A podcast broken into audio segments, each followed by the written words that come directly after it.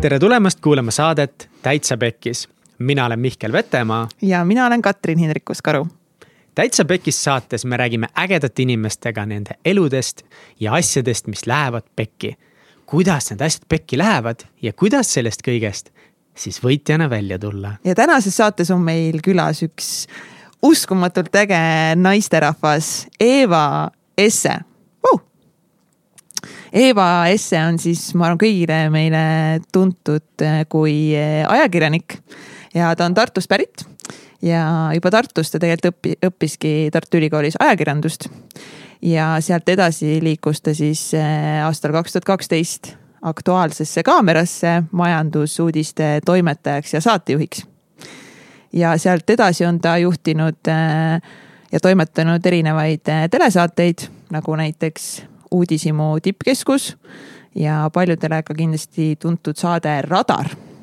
Buum. Buum ja aastal kaks tuhat üheksateist siis äh, anti talle Eesti filmi ja teleauhindadel parima ajakirjandusliku loo tiitel, jah, auhind. ja Eva Esse on äh, tegelikult ka väga suur spordientusiast. ta käib päris hulludel võistlustel üle terve maailma. mis minu arvates panevad inimvõimekuse piire proovile. ja, see naine on, äh, on crazy ja ta õpetab meile siin saates näiteks, kuidas õigesti joosta. ja lisaks veel on ta selliste kahurivägede saatejuht nagu Kuldvillak. ja nüüd sellest hooajast. ja ka tõeliste kangelaste lood. Issand, mis selle saate nimi oli? tõelised kangelased? ja, ja, no veits läks sassi. jah, saate, saate Kanal kahest äh, ise. ja eriti lahe on veel see, et hetkel, kui meie siin seda juttu räägime, siis tema on Antarktika ekspeditsioonil admiral Bellingshauseni pardal sest me seda introt tegime natukese hiljem. nii et see on nagu väga lahe, see on naine, kes avastab maailma ja, ja aitab seda teisteni viia nüüd meil oli üli-ülivinge saade temaga, nii et. Enne kui te kuulama hakkate, siis eh, insta lahti ja follow, eks ole. eks ole, vähemalt follow ja kui te saate tänasest episoodist uusi teadmisi juurde ja see inspireerib teid eh, tegema elus paremaid ja julgemaid valikuid, siis eh, jaga seda episoodi vähemalt ühe oma sõbraga või siis pane lihtsalt share Instagramis oleme väga tänulikud sulle ja meie sõnum jõuab rohkemate inimesteni. head kuulamist. Tere kõigile, saates Eva Esse uh,. Uh, tere, Eva. tagasihoidlikud uh, meil uh, tere, tere tead, tavaliselt meil nagu tuleb katsiga süngisse kuidagi nagu uh, koos, aga ma ei tea. teeme nagu äkki, äkki kolmehäälselt uh, uh, uh, uh. oota, ei, see läks natuke. mina ei oska üldse laulda, nii et. mina olen kaks, üks uh uh. uh. sa pead ülesse minema. jaa, aga ma teadsin, et ma üles ei saa minna, siis ma läksin okay. hoopiski alla. see oli, ja see oligi see püant, asja püant. keegi ei oodanud seda ja, et see niimoodi läheb. Eeva, kas sul on täna kiire päev olnud? mul on täna olnud äh, jaa, jaa ma proovin meenutada päeva, mil mul ei ole olnud viimati kiire ja raske on meenutada seda, see võib-olla jäi aasta aja taha aga eile? Eile, tegelikult eile oli okei päev. eile oli pühapäev. eile oli pühapäev. Äh, eile tulin tagasi, meil oli üks hästi vahva nädalavahetus sõpradega Laulasmaal, äh, muinasjutude öö. saatsime ära suve, saime teada, et üks meie sõpradest, üks paar saavad lapse märtsikuus, selline hästi tore äh, sündmus ja, ja sellega sai suvi teele saadetud ja, ja eile päeval tulin tagasi Tallinnasse ja siis tege-, jah, vaatan nüüd äh, tõega siis tõtt. et, ega tegelikult vist tõesti eile midagi suurt väga ei teinud küll. õhtul pidi natukene tööd tegema, aga eile oli sihuke laadne päev. ma tegin eile päev otsa tööd, ma olin nii tubli, ma ei teinud laupäeval mitte midagi käisin Kadrioru pargis, täiega ilus oli aga ma enne unustasin Eevale öelda, et Eevat äh, tunne ennast kindlasti mugavalt on, et sa võid selle tooliga natukese kolistada lähemale, kaugele ja, ja kui tundub, et mikrofon ei ole hästi. mul on hästi siis... mugav praegu, ma olen praegu rätselt paistmes. Äh, ja proovin niimoodi sirgelt selga hoida, ma teen seljatreeninguid. ma lõin vastu mikrofoni. et mul on väga mugav, aga kas mind ei ole kuulda piisavalt Nende mikrofoni igaks juhuks lähemal, aga siis sa saad võib-olla mugavamad sirged selga. saad laulda sinna sisse. mul on väga mugav, aitäh. see on jälle taaskord, ma olen vist seda mingi viimased neli episoodi juttu öelnud, kui mitte rohkem, et meil on videopilti vaja, sest te peaksite nägema, kui kaunis Eeva välja näeb. absoluutselt kas tahate, et ma nüüd lihtsalt nagu sulaksin siia? jah, no tore, aitäh. pärast saate vaadata pilte Instagramist ja Facebookist, on ju? You hot uh,. Me thanks. kuule, aga no, Juhat, kust sa üldse pärit oled? Tartust mina olen pärit Tartust. vabandust väga, meie kuulajad ju kõik loevad sedasama research'i, mis mul siin ees on kas teil on research nagu reaalselt ette tehtud? aa, shout out to Kristel Sildver, kes tegi sinu research'i meile, kes on ka paljud teised teinud ja siis selle asemel, et täna Evat küsitleda, ma siis loen selle research'i lihtsalt ei, ma mõtlesin. kusjuures ma arvan, et ma olen praegu võib-olla esimesel intervjuul, sest noh, mis see muud siin tegelikult on, kui intervjuu, kus reaalselt inimesed on teinud mingisuguse research'i või teie nagu äh, hea abiline on teinud research'i. ja ma väga hindan seda sellepärast, et millega ma ise olen siiamaani väga palju kokku puutunud, et kui ma olen kuskil käinud mingi mingisugust intervjuud andmas või kui keegi äh, ma olen tegelikult vot selle teema peal, ma lähen hästi kriitiliseks. et, et kui keegi tahab ka mingisugust meediapäringut saada või mingisugust kommentaari saada, siis esiteks on see, et kirjutatakse sulle Facebooki Mm -hmm. mis ei ole mu töövahend tegelikult, kui sa tahad minuga ühendust saada, siis helista mulle, saame kokku. või siis, hea küll, te tegite mulle väga hea lähenemise Te tegite video, see näitab, et teil oli nagu tahtmist minuga ühendust saada aga sa kirjutad mulle keset tööd ja kirjutad minu kohta või noh, tahad saada mingisugust äh, tee, küsimust või noh, tähendab mingisugust vastust teema kohta millest ma olen juba nii palju kasvõi rääkinud, rääkides mingisugusest spordist või asjast, sa pole teinud mingisugust taustatööd ja see on minu jaoks kohe selline resentful, et, äh, et see, et, et teil on siin mingi äh, taustatöö, ma ütlen ausalt, ma tunnen ennast natukene ebakindlalt sellepärast ma ei tea, mida te minu kohta olete välja kaevanud, nii et vau wow,, okei okay,, nii ja, ja ma, sa ei, sa ei saa teada ka, me nagu teeme näo, nagu me ei tea midagi. Okay,, kõike siin juhuslikult küsime ja Mihkel, Mihkel saab jälle oma lemmiklause öelda, et eh, kõik parimad eh, tallinlased on pärit Tartust. Lõuna-Eestist, ma üldse äh, nagu ümardas Lõuna-Eesti peale, sest mu ema on nagu Lõuna-Eestist pärit, vaata noh. aga ta ei ole tallinlane, nii et. jaa. Ma ei saa kuidagi vastu vaielda, tõesti, Tartust on palju toredaid inimesi pärit. olen pärit Tartust, sündinud Äh, seal majas, kus ma käisin mõned aastad ülikoolis ehk et äh, Tartu Ülikooli üks, kui ma läksin Tartu Ülikooli, siis ma olin viimane kursus, kes oma viimast aastat äh, õppis ülikooli peahoones. Tähendab, minu jaoks oli siis esimene aasta, kui ma läksin ajakirjandust õppima, siis oma esimese aasta ma võtsin ülikooli peahoones, sealt järgmised kaks aastat olin ma Tartu endises sünnitusmajas, millest tehti siis sotsiaalteaduste äh, üks äh, hoone ja sinna siis Ajakirjanduse ja Kommunikatsiooni Instituut äh, kolis ja seal majas ma olin ka sündinud, nii et selline tore mingi teatav eluring sai seal kokku. leidsid oma selle palati või toa ülesse? ei, seda ma ei tea, kus see asus ja ma arvan, et emal vist oli nii halb kogemus, et ta minuga vist sinnasamasse majja ei tahaks minna. ma tean, et äh, sünnitus oli raske. Äh, ma olen selle peale mõelnud, et tegelikult peaks iga aasta emale sünnipäeva puhul, minu siis sünnipäeva puhul viima lille oh.. et, äh, et see on tegelikult imeline oh,. mega lahe lähenemine, ma ei ole niipidi kunagi mõelnud ja minu sündimine oli ka päris, mäletan, see oli mingi megapikk, ma sündisin õhtul kell kuus, aga sünnitus kestis mingi seitseteist tundi või midagi sellist, et see tundub nagu. ma ei ole isegi küsinud, mitu tundi see kestis, aga ma tean, et see oli, et see oli väga raske.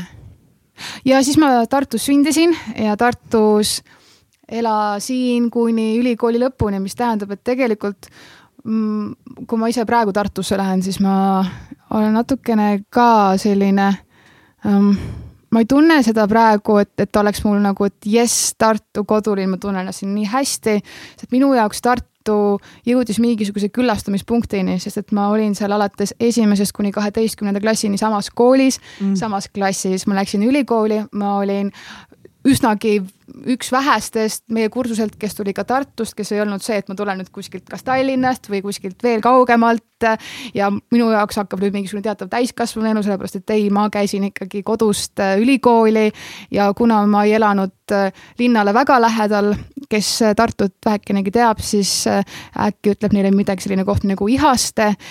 toona oli taksosõit väga kallis, ehk siis sada krooni kaubamaja juurest Ihastesse ja see oli üsnagi äh, kobakas osa minu taskurahast, ehk et mis tähendas seda, kui mul olid kursapeod, siis äh, pidi mu isa tulema mulle öösel järgi, sest et mul ei olnud kuskilt seda taksoraha võtta. rattaga ma olen seda teinud ka rattaga, ma olen äh, keskajal läinud äh, illusioonist jala koju öösel mööda mm. maanteeperve, mida ma rohkem teha ei taha. ehk et kuna isal oli, noh, mu isa on mind ka kogu aeg selline, no ta on nii, mul on nii head vanemad ja mul on selline kätelkandja isa olnud, et ta ikkagi, kui mul oli vaja kuskile peole minnes ta tuligi mulle mingi poole kahe, kahe paiku järgi, aga ikkagi oli see, et noh, et, et su kursakaaslased vaatasid ikka veits viltu, et nagu come on, et sul tuleb isa nagu järgi sinna kuskile koolipeole. Cool aga, aga siis, aga siis jah, siis mul sai ülikooli aeg otsa ja kuna mu eriala on selline, et, et ma nägin ainukest väljundit Tallinnas, siis ma tulin Tallinnasse ära. ja ma ütlen ausalt, et ma tunnen praegu iseennast rohkem kodus Tallinnas kui mm. Tartus Äh, et, et ma käin hea meelega Tartus selle jaoks, et oma vanematel külas käia, minu enda koer on praegu Tartusse viidud, sellepärast et mu vanematel on rohkem aega mu koera jaoks, kui mul on. ja, ja selles osas on nagu hea, aga ka kui lihtsalt minna nagu linna peale, siis ma, ma ei tunne ennast seal veel hästi et kuidagi on selline, et nagu liiga elatud etapp minu jaoks, et ma tunnen, et ma pean võib-olla veel viis-kuus aastat nagu olema sealt eemal, et ma tunneks ennast jällegi hästi. kaua sa oled Tallinnas elanud nüüd? Äh, kaks tuhat kaksteist tulin mis on siis seitse aastat. mul läheb vist üheksa nüüd, ma tulin kaks tuhat kümme. ja kust sa pärit oled? ma olen Tartust samamoodi. tegelikult? Kus koolis sa käisid? Tartu Forseliuse gümnaasiumis. ma käisin jah, kaksteist aastat seal, ma ei saanud kuskil mujal sisse lihtsalt gümnaasiumi aga. proovisin küll sealt ära saada ja põgeneda, aga kurat ikka, põhikool ka seal. kõik kaksteist aastat. see ei olnud koolis. nagu kool, mille kohta oleks head räägitud päris ausalt ütlen ülla, ülla. ei, oota, tegelikult nagu mul oli paar toredat õpetajat ja nagu selles mõttes, et nagu ma ei taha heitida oma kooli, sest äh, väga palju asju, mis ma nagu õppisin ja sain, on tänu sellele koolile just siuksed koolivälised tegevused tegevused ja väga palju näitekunsti ma õppisin seal. no ega sa väga hea õpilane ka ei olnud selles mõttes. aga nagu... ise kool oli ikka päris kehva jah. tegelikult lõppkokkuvõttes äh, selle, mis sa koolist kaasa saad, oleneb väga palju sellest, milline sa ise oled, et, et kui sa oledki hea äh, peaga ja tahtmist täis ja ise pingutad, siis ma usun, et noh, ja ma tean ka enda seltskonnast inimesi, kes on maakoolist tulnud, kus ei olegi väga palju võimalusi, aga kes ise on lihtsalt nii palju pingutanud ja nii palju enda iseloomuga, et, et on jõudnud kaugele. mul on koolist nii palju häle, halbu mälestusi, et ma isegi ei ole käinud nendel äh, kooli mm. mingi aasta juubelitel kuskil, et ei, las ta no, jääda. las ta jääda jah, aga jääda. mulle meeldib Tartus väga käia, aga täpselt samamoodi, et ma tunnen, et nagu Tallinnas on põnevam minu jaoks ja kõik elu on siin, aga lihtsalt mul nagu meeldib seal aeg-ajalt jalutada, aga ma satun väga harva sinna. nii et Tartu jah. sellega relate ime sellega relate ime, mis on sul veel mõni eh, tore mälestus Tartust peale selle, kuidas isa sind kursapidudelt koju viis tore mälestus Tartust, no kogu mu lapsepõlv on Tartus möödunud, äh, eks neid mälest-, neid mälestusi on oi kui palju, on täis kogu atmosfäär, aga aga ei, ma ei, niimoodi kohe ei oska küll välja cherry pick ida. meie Katsiga saime ka just, õppisime üksteist tundma Tartus. Kats Vana tuli Tartu. Tartusse ülikooli. mis te õppisite? Mina, issand jumal, mina õppisin kõigepealt äh, klassikalist filoloogiat ja siis kultuuriteadust, aga ma ei lõpetanud kumbagi eriala. mõlemad kindlasti erialad, millega kindlasti saab nagu väga kõva karjääri kohe nagu teha. nagu täpselt, noh, ma mõtlesin sama lihtsalt, lähen kohe ladina ja kreeka keelt äh, õppima ja arendama ja tegema ja mütoloogia. aga siit ma võin kohe võtta siis teemajärje üle, et minu puhul oli ka väga-väga selge valik. Äh, kui ma astusin ülikooli, siis olid veel tasulised õppekohad ja mm., ja mul oli ikkagi paigas plaan kaheteistkümnenda klassi lõpus, et ma tahaksin minna õppima ajakirjandust. see oli mul kodus läbi räägitud teema, ema oli mul hästi suur nõuandja. aga kuna sinna on päris raske sisse saada, mitte tänapäeval ilmselt, sellepärast et äh, paraku äh,, paraku noori on vähem ja seda nagu konkurssi ühe koha peale ilmselt on noh, see ei ole nii hull kui toona. aga siis oli küll see, et ajakirjandusse oli hästi raske sisse saada ja siis mul oli vanematega kokkulepe, et kui ma ei saa tasuta koha peale sisse ajakirjandusse, siis ma lähen saksa keelt õppima. sihuke diil oli? Äh, jaa, et et, et vanematega me olime jõudnud sellisele ühisele arusaamale, et, et ma ei hakka ennast äh, laenuga ise koormama ja vanematel ka toona ei olnud võimalust minu õpinguid niimoodi toetada. Et äh, ma mäletan seda väga hästi, ma käisin, äh, õppisin keska kõrvalt kitarri ja, ja mu kitarriõpetaja andis välja kitarriõpiku, mis oli päris kallis, krooni ajal see oli üle kahesaja krooni vist ja mu ema ütles, et äh, kui ma sulle selle kitarriõpiku nüüd ostan, et siis lubame või noh, lepime niimoodi kokku, et kui sa ei saa sisse ajakirjanduse tasuta koha peale, et siis lähed saksa keelde. sellise diili me tegime, aga läks nii hästi mul äh, erialakatsetel vähemalt, et ma saan erialakatsetel sada punkti.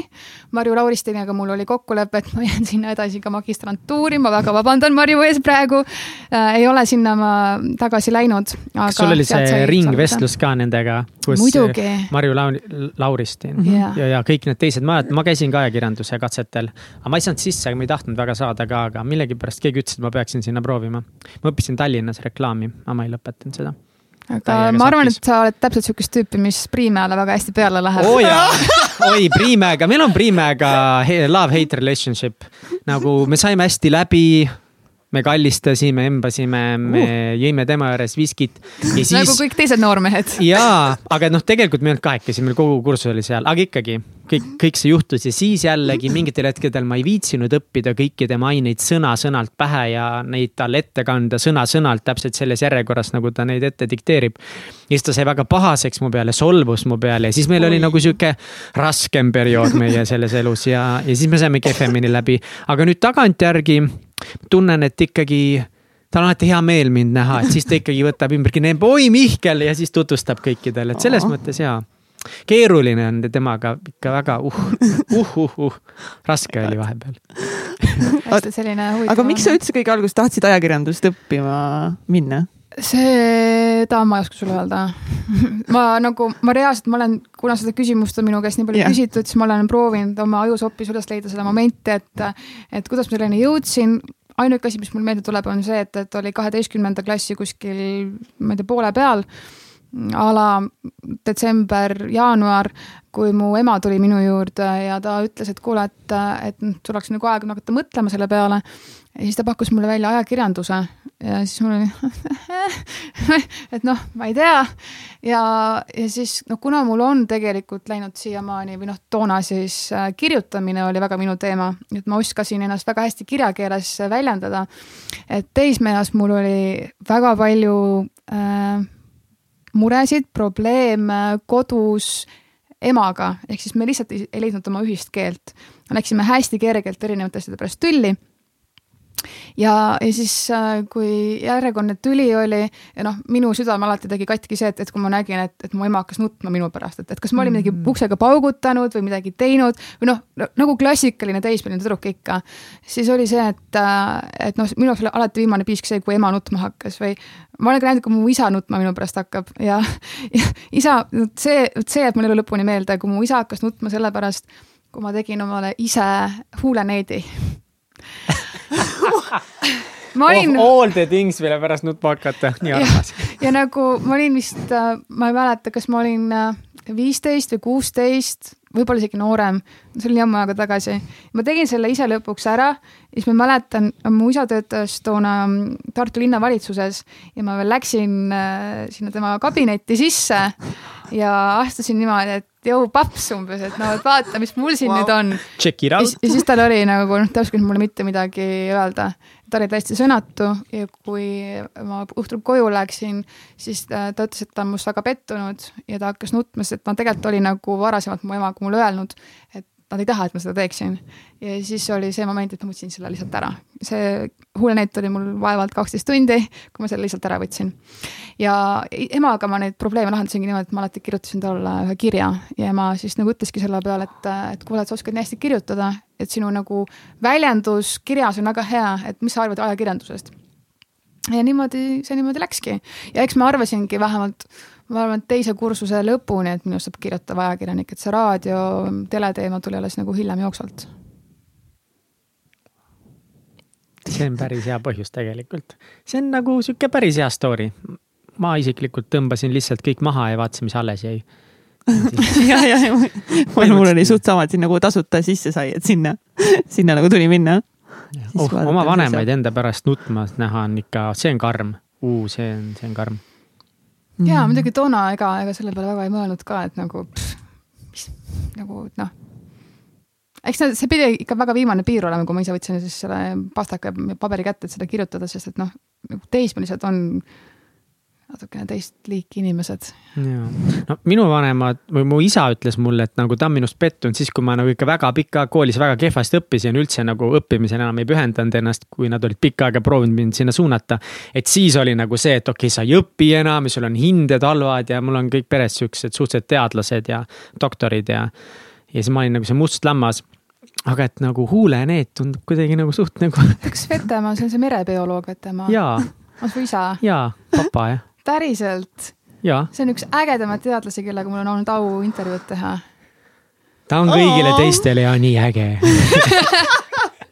ei, tegelikult äh, äge oh,, äge on küll üks sõna, mis mu isa kirjeldab päris hästi, ta on küll päris äge ja. kas ta kirjutas kohe raamatu hiljuti? jaa. Äh, kas oli seoses kuidagi, ma selle pealkirja ei mäleta, aga kuidagi kanepiga seoses? Äh, jaa, ma ka ei mäleta selle pealkirja, ma ei ole ühtegi oma isa raamatut lugenud äh, mingitel põhjustel ja ma arvan, et ühel hetkel ma elus loen neid. ma olen küll oma vanaisa raamatuid väga palju lugenud, need mulle meeldivad. ma seda raamatut pole lugenud, aga kuna mu ema on, mu ema on kõige suurem raamatuvaksik nagu ever, siis ma lihtsalt üks hetk nägin seda raamatut raamaturiiulis, siis kuidagi see jäi mulle mällu. ja, ja, ja see oli mingi, äh, ja, ja tarkade kivi ja kanna pinoidid. just. ja, ja oh ma ei tea, millest ta kirjutab seal, ma ei oska öelda. sa pole mu isa raamatut lugenud? ei ole, ma, ma, mu isal on kolm raamatut. sa pole ühtegi neist lugenud? ma pole ühtegi nendest lugenud. alates kolmandast raamatust võib äh, seda inimest, kes kirjutab raamatut, pidada ka kirjanikuks. jaa, ma olen kuulnud jah ja. vanaisa jälgedes jah, aga ei, ei ole lugenud ja ma niipea ei plaani ka veel, ma loen väga palju raamatuid, aga need ma võtan kunagi hiljem ette. saan aru, et siin on selline mingi teatav. ja daddy issues, siin on daddy issues eks äh, eks meil kõigil on omad koormad, mida kanda. ja on. Wow.. jah, kus me siit edasi lähme nüüd? Siin jah, läks nagu tead kohe. Läks sinu isa peale jutt ära juba, polegi, polegi rääkinud nendel teemadel, huvitav. ja me ei ole ja minu, minu ja mu isa suhtes väga palju rääkinud, aga täna me sellest väga ei, palju rohkem räägime, sest ma tahan Eva asjast rohkem ja, kuulda. aga ma vahepeal viskan seika vahele küll, kui vaja. Ja, aga räägi noorest, noorest peast, kuidas see, no sa oled spordiga tegelikult tegelenud juba üpriski noorest saatis, kas sport on olnud nagu pere, perest tulnud, kas sinu vanemad on sportlikud olnud või kuidas sinu sportlikkuse, sportlikkus on üldse alguse saanud? see on hästi lai teema ähm,. väga kiire vastus sellele on see, et ei, mu vanemad ei ole erilised sportlased olnud, mu isa on mänginud päris palju korvpalli, sealt ka minu pikkus. Aga, aga tegelikult, kui nüüd minna tõesti rohujuure tasandile tagasi, siis äh, eks ma nagu teadsin, et ma tulen täna sellisesse podcast'i või saatesse, nagu ma siia olen tulnud. Ja natukene kuulates ka nagu teie neid podcast'e, siis ma sain aru, et ma peaksin ilmselt natukene sügavamale iseenda sisse vaatama ka et, et, et mitte liiga pealiskaudseks jääda, siis ma natukene kodus mõtlesingi selle teema peale.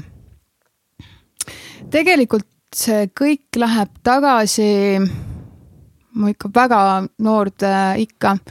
ja, ja ma mäletan tegelikult lapsepõlvest momenti, ma arvan, et ma olin mingi viie-kuue aastane, nagu selline äh, eneseteadvustamine pihta hakkas ja ma mäletan, et ma oma lapsepõlve Äh, enne kooliaega vähemalt, siis kui ma käisin lasteaias, ma elasin teadmisega, et ma elan kuni neljateistkümnenda eluaastani.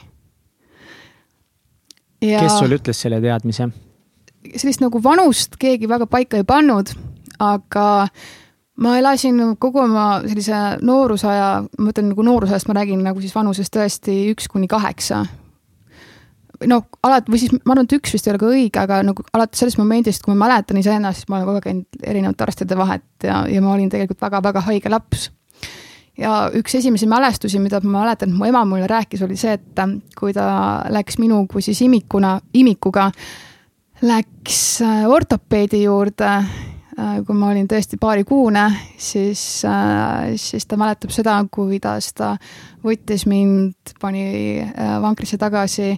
tookord oli siis lastepolikliinik Toomemäel, Kassitoome ülal ja kuidas ta sealt Kassitoomelt alla tuli niimoodi selles lapsevankris, et, et ta niimoodi täiesti nuttis, sellepärast et, et see ortopeed oli öelnud, et ega, ega sellest mingisugust elulooma ei tule ja, ja siis ähm,,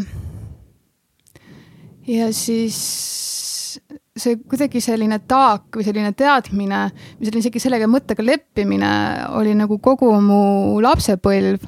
et ma käisin äh, lasteaias ka erivajadustega lasterühmas tegelikult aga sellel oli nagu hästi lihtne põhjus, et mul oli selline kaasasündinud probleem, mis oli geneetiline, vanaisast ka tulenev, et, et mul oli rindkerega probleemid, et mul oli rindkere sisse vajunud, mis tähendas, et mul süda ja kopsud ei saanud piisavalt äh, ruumi, et areneda.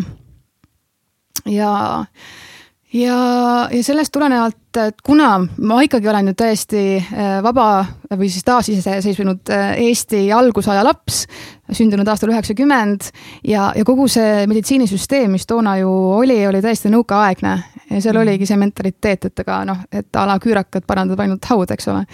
et, et seal oligi äh, minu perspektiiv selline, et et ma, et minu süda ja kopsud ei arene mitte kunagi täisväärtuslikuks, ma ei saa teha sporti, mul oligi reaalselt äh, äh kehalisest äh, pidev vabastus, ma ei tohtinud mitte midagi teha ähm,. aga. aga kuidagi, miks sa ei tohti midagi teha, mis nad ütlesid, mis siis juhtub, kui sa teed äh, midagi äh,? mu südamel ei olnud ruumi areneda, mis tähendas seda, et, et äh, tähendab, see on väga hea küsimus. ma tean seda, et toona mul äh, südameklapp andis tagasi verd äh,. mul olid, mul olid astma toona arenenud välja, et nagu kõik see noh, et kui sul on füüsiline pingutus peal, siis su keha ei pea sellele lihtsalt vastu mm. Aga millegipärast ma kuidagi käitusin täiesti vastupidiselt, kui mu keha oli selleks loodud ehk et ma läksin kergejõustikutrenni, kui ma olin, ma ei tea, üheksane või kümnene. Äh, ma käisin neli, neli aastat seal äkki niimoodi, et ma ikkagi käisin Eesti meistrivõistlustel ja tegin seal väga häid tulemusi. kes sind lasi sinna trenni, kui sulle arstid ütlesid, sa ei. aga ma tegin seda kõike minna. nagu enesetunde järgi okay. tegelikult, et, et see oligi täpselt see, et mis nagu paberile kirja pandi versus siis see, mis oli nagu päriselt.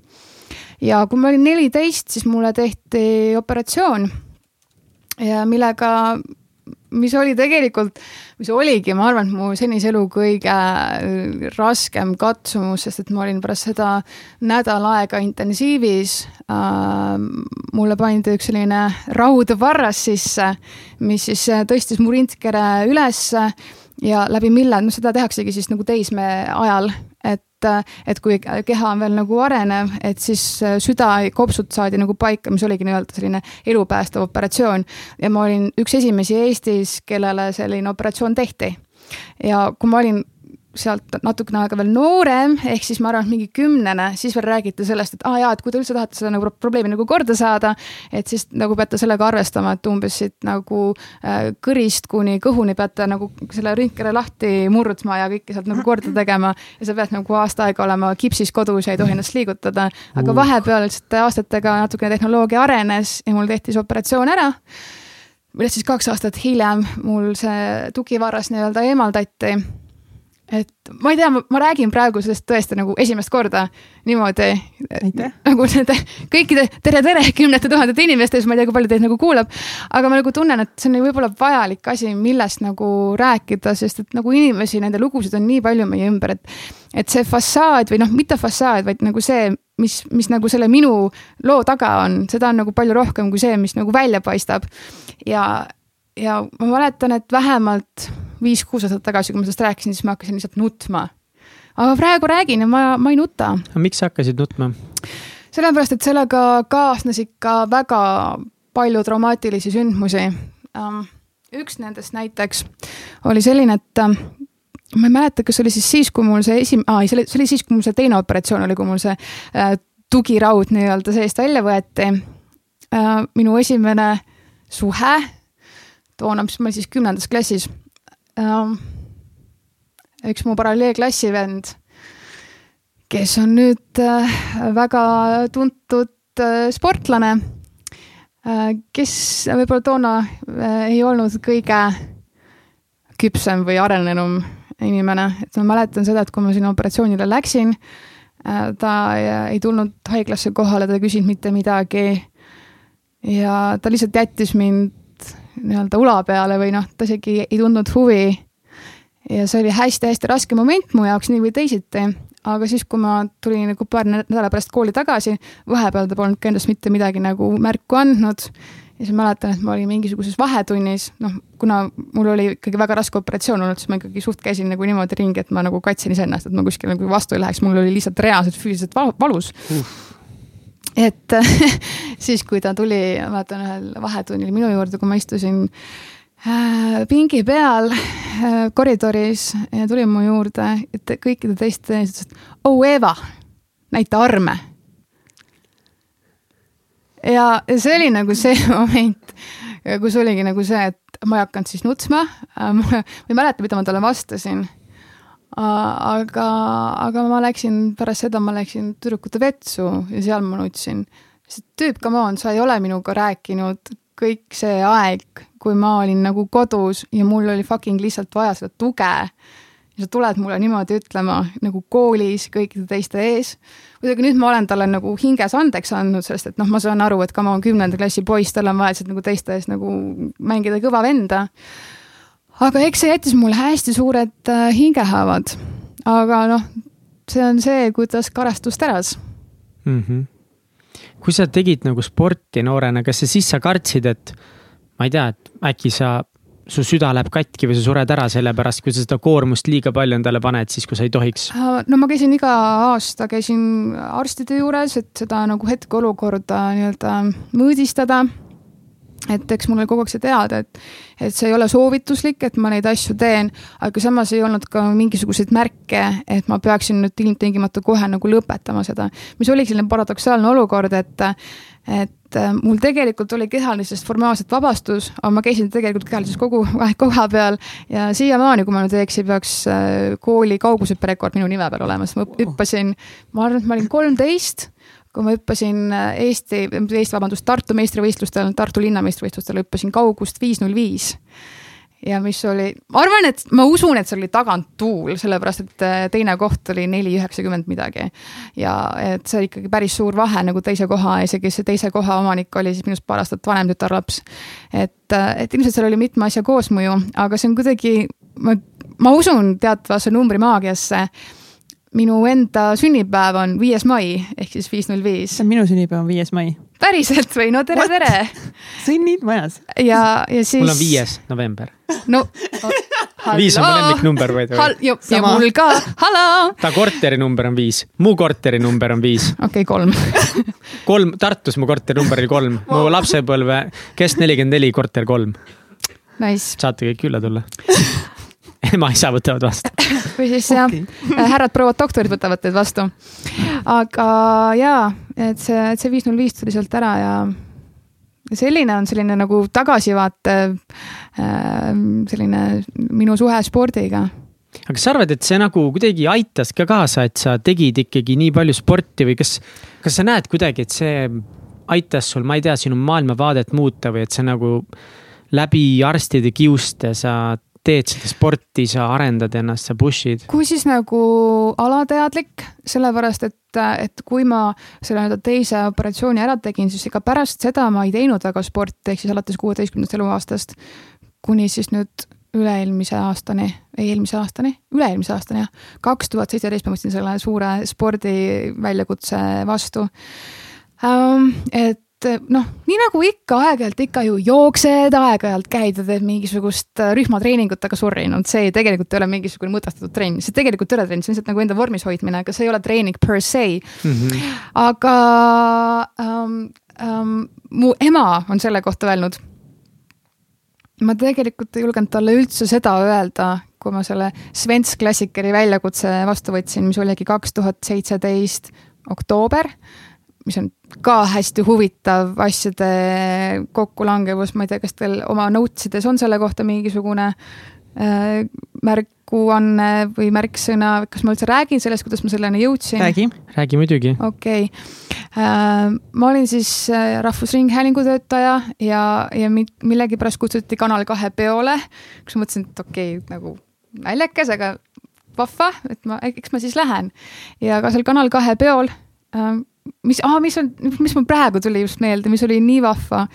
Äh, et äh, kus ma kohtusin esimest ja siiamaani vist ainukest korda äh, Kristjan Jõelga, Jõekaldaga ja too moment ka, kui ma ei eksi, oli seal ka Teet Margna ja kuidas Kristjan ütles, et issand, et ta on nii suur fänn, et ta on nii suur fänn ja siis mul oli mingi, oota, vau, vau, vau, vau, vau, vau, ei Kristjan, mina olen sinu fänn et selline äh, tore olukord ja, ja siis ma seal ma tutvusin ka äh, Kanal kahe reporteri toimetaja, reporteri siis Raivo Rimmiga, kes äh, nii muuhulgas mainis mulle, et kuule, tead, et meil on selline sportlik väljakutse, et järgmine aasta läheme kõik Svensk Klassikerile. Svensk Klassikerile, mis asi see on?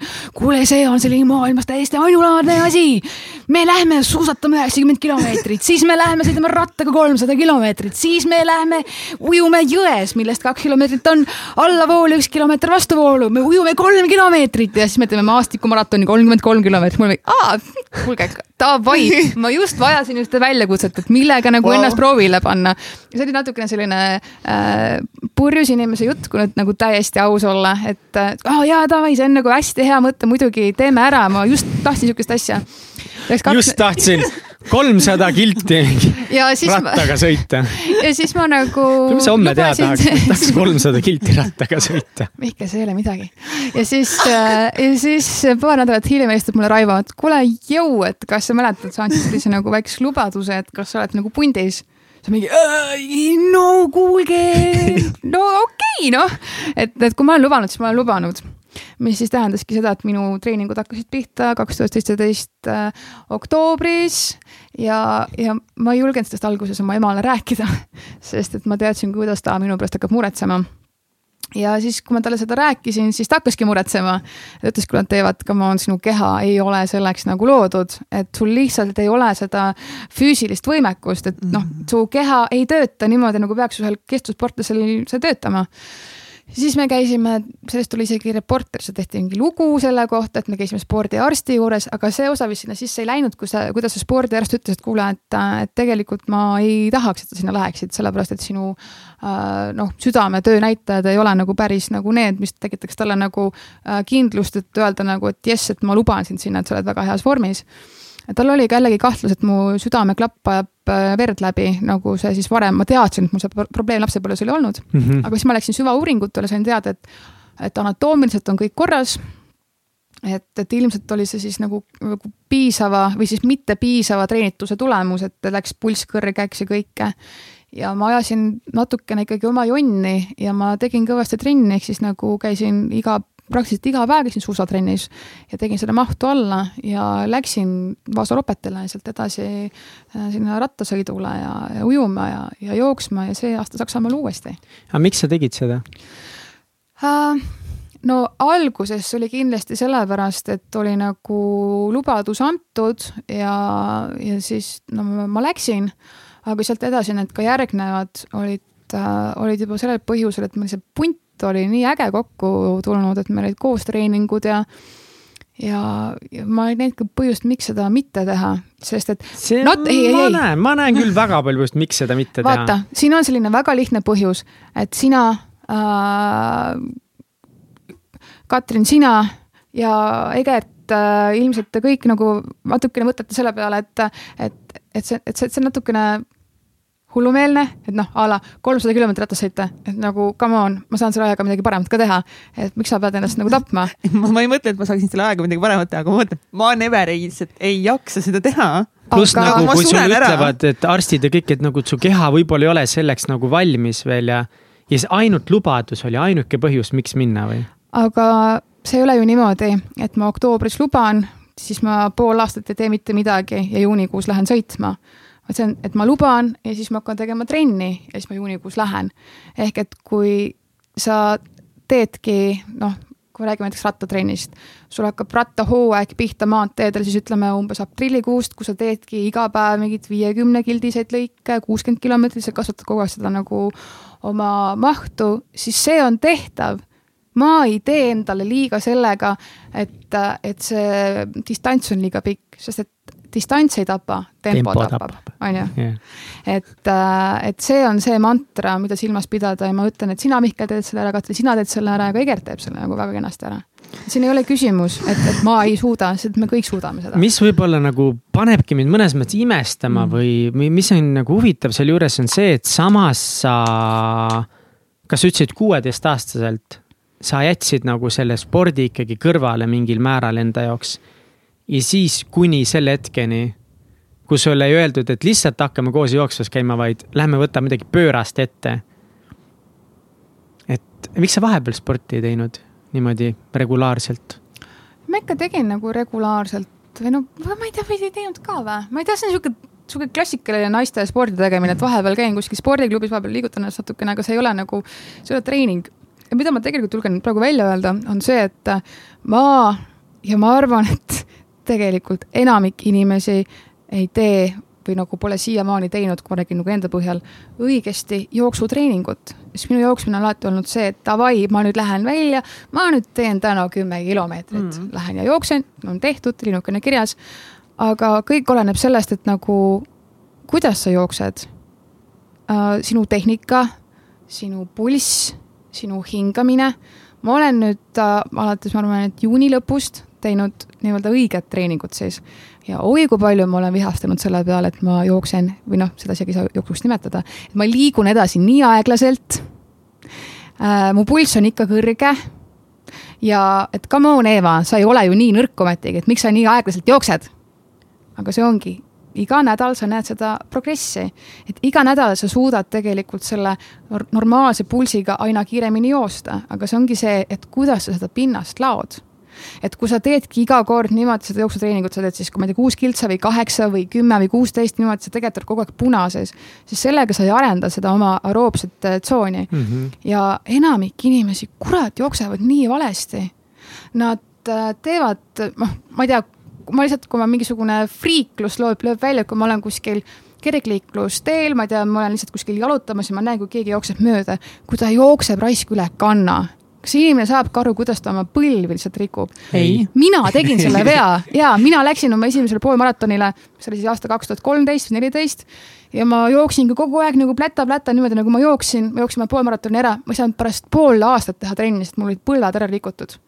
ma olin kogu aeg valesti jooksnud aga halloo, inimesed, meil on olemas internet ja internet on kogu maailm, nagu löö sisse nagu basic asjad, how to run, how to run correctly äh,, nagu õiged pulsitsoonid, no sa mm -hmm. saad nii palju infot seal, ära mine ja hakka jalgratast leiutama, selle kohta on kõik olemas. mida tähendab üle kanna jooksmine äh,? vaata, kui sa jooksed äh,, nii, ma praegu näitan siin oma kätt, see on mu labakäsi äh,. siin, kus on minu mm. nii-öelda see ma ei tea, kuidas seda nimetatakse siis. mina ei tea, mingi randmepõhi või? randmepõhi, ma panen, et uh, luge-, lugejad kuulajad kujutaksid ette, ma panen praegu oma käe labakäe panen vastu lauda mm. -hmm. minu sõrmed on ilusti vastu lauda, minu randmepõhi on vastu lauda. kui ma jooksen, milline on siis üle kanna jooksmine, on see, kui ma jooksen ja ma panen esimese asjana selle oma kanna mm -hmm. maha ehk siis selle randmepõhja maha ja alles siis panen ülejäänud käe. kuidas peaks jooksma, on see, et sa lähed võimalikult jala keskpaigaga, sa paned nagu väike panter niimoodi vaikselt, tiheda sammuga niimoodi on sinu jala keskkoha kõige... paned nagu kõigepealt vastu maa, ma olen ka arvanud, nagu arvanud kuidagi, et noh, kand läheb vastu maad, siis jala keskosa, siis varbad niimoodi tegelikult sujuvalt. sa peaksid niimoodi vaikselt rullima. see on see, kuidas sa hoiad äh, omaenda keha äh, nende põrutuste eest. ma jooksen muru peal sellepärast ma ei põruta ennast, aga ma olen tundnud ei, küll jah, et kui ma jooksen pikalt nagu asfaldi peal, siis on vastik. ei, siin ei ole vahet, kas sa jooksed asfalti või muru peal, kui sa ka muru peal paned üle kanna, sa nagunii lõhud iseennast. ja enamik maratone, kui sa lähed kuhugi jooksma või noh, see võib ka olla mingi kümne kilomeetri jooks, viie kilomeetri jooks, need on ikkagi asfalttee peal, et kui sa kogu aeg mm -hmm. kuskil muru peal, siis sa ju tekitad endale sellise teatava mugavustsooni mm, -hmm. et sa oled harjunud selle pehme pinnasega, et mm -hmm. kas sa mhm. pead nagunii võistlema või võistlusjooksu tegema ikkagi ju tugeva pinnase peal. et Äh, et sa võid kogu aeg teha oma neid treeninguid ju selle tugeva pinnase peal, aga jookse lihtsalt õigesti aga head kuulajad, äh, nüüd lihtsalt, kui teil on huvi selle jooksmise vastu, siis lihtsalt võtke ette, ma ei tea, Running for Dummies, ma ei tea, guugeldage Youtube'is, no samamoodi igasugused rattatehnikad, igasugused ujumistehnikad. me elame imelisel ajal mm -hmm. selles osas, et kõik on võimalik õppida internetist, ma mhm. isegi oma kuradi ujumistehnika sain sealt selgeks, olgem ausad. inimesed ei arva, et nad valesti jooksevad, ma arvan, äkki nagu noh, kui sa lihtsalt, sest meil ei ole koolis ju õpetatud. mis on, mis on nagu õpetatud. hästi vale, mida peaks tegema, jooksmistehnika jooksmistehnika. seda keegi koolis ei rääkinud. aga, aga staadioniringe sai kogu aeg joostud. oi, normaalselt kütetud ja, ja midagi ei öeldud. see on ka nagu hästi huvitav, et kuna mul on endal, noh, ma, kui ma käisin kergejõustiku trennis, siis minu nagu peamine ala, ma ütlesin ka, et ma väga kestvussporte ei teinud siis ma tegin sprinti, see oli nagu see, mis meil oli siis viiekümne, kuuekümne ja saja meetri jooks. ja ma tegin kogu aeg neid lõigutrenne ja kui sa teed äh, kiirendusjooksu või sprinti, siis sinu keha ja sinu samm töötab hoopis teistmoodi kui siis, kui sa teed vaikselt sörki. sest kui sa, mida, mida mulle, kui mu elukaaslane on öelnud, kui me käime jooksmas, me jääme kuskil ähm, valgusfoori taga seisma või siis tähendab, et me just näeme, et kohe hakkab nagu minema punaseks, et siis peab kiirendama. et see, kuidas mu samm muutub, on nagu selline väga kergejõustiku samm, niisugune täpselt sprinteri samm. sul põlv tõuseb, sul hakkab niimoodi ilusasti jalg, ma ei saa praegu seda ette näidata, sul hakkab samm niimoodi ilusasti nagu voolama nagu põlvega tõstad, nagu ilus vaadata samm, on ju. aga kui sa teed seda, seda nagu sörkjooksu, kuna sul ei ole seda tempot taga, siis ongi see tössa-tössa ja see tössa-tössa ongi kõige raskem, mida nagu teha ja mida nagu korralikult teha. mida ma ise soovitan, head kuulajad, head Täitsa Pekkis podcast'i kuulajad, kui tahate teha korralikult äh, jooksutrenni, siis äh, ma küll ise olen praegu ühe kindla margi eelistaja äh,. Polar on mind õpetanud jooksma kuna ma olen teinud investeeringu, mul on see kell, Polaril on endal see interface olemas netis, mis paneb mul treeningkava paika ja mis panebki mulle pulsitsoonid, mille järgi ma käin jooksmas ja Polar ongi minu kõige suurem jooksutreener. tead, see on jumala hea mm. point, sest äh, ma arvan, ma arvan lihtsalt, et päris paljud nagu võib-olla neile ei meeldi jooksmine sellepärast ka, et nad jõuavad nii kiiresti sinna punasesse ja siis nad on lihtsalt mingi, ah, see on nii raske ja vastik, aga, aga aeglasemalt jooksmine tihti paljudele tundub, et ah, sellel pole mõtet ju, mida ma siin nii aeglaselt. kiiresti joosta, sa pead väga palju enne väga aeglaselt jooksma, nii lihtne see ongi nii ongi täpselt. nii ongi, aga räägime. aga ma üht asja no, tahaks veel küsida üldse jooksu koha pealt no,. miks joosta, miks üldse joosta um,? ma ei mäleta, mis selle raamatu nimi oli. aga seal oli põhimõte selles, et jooksmine on inimesele kõige loomulikum tegevus. vanasti käisid need asjad niimoodi, et äh, kuidas kütiti loomi, mis te arvate? Ma ei tea, ajasid kuidagi, ühed ajasid ja teised viskasid odaga, jooksid järgi. no ühed jutud räägivad ka sellist lugu, et, et äh, joosti nii kaua oma saagi järel, kui see saak ära väsis. sest inimene on ju ainukene, kes suudab higistada. see saakloom ei suuda. tema ju hingeldab, tema väsib ära. ja nii kaua aeti seda taha, kui ta lihtsalt nagu külili kukkus. Ehk et tegelikult jooksmine on hästi loomuomane, aga ma usun, et läbi aegade, me oleme siin kahekümne esimeses sajandis, meil ei ole seda lihtsalt vaja, no vaata, vaata lihtsalt meie elu. Mm. Me lihtsalt paneme ka mingi lapsed tasakaaluliikurite peale ja, ja elektritõukerataste peale, et me, et me ise liigume aina rohkem sellise idiokraatia poole tegelikult. et, et, et me peamegi seda hakkama nagu nullist õppima, sest see ei ole meil enam loomuomaseks saanud, aga, aga tegelikult geneetiliselt on. sest vaata, kuhu me oleme oma ühiskonnaga jõudnud.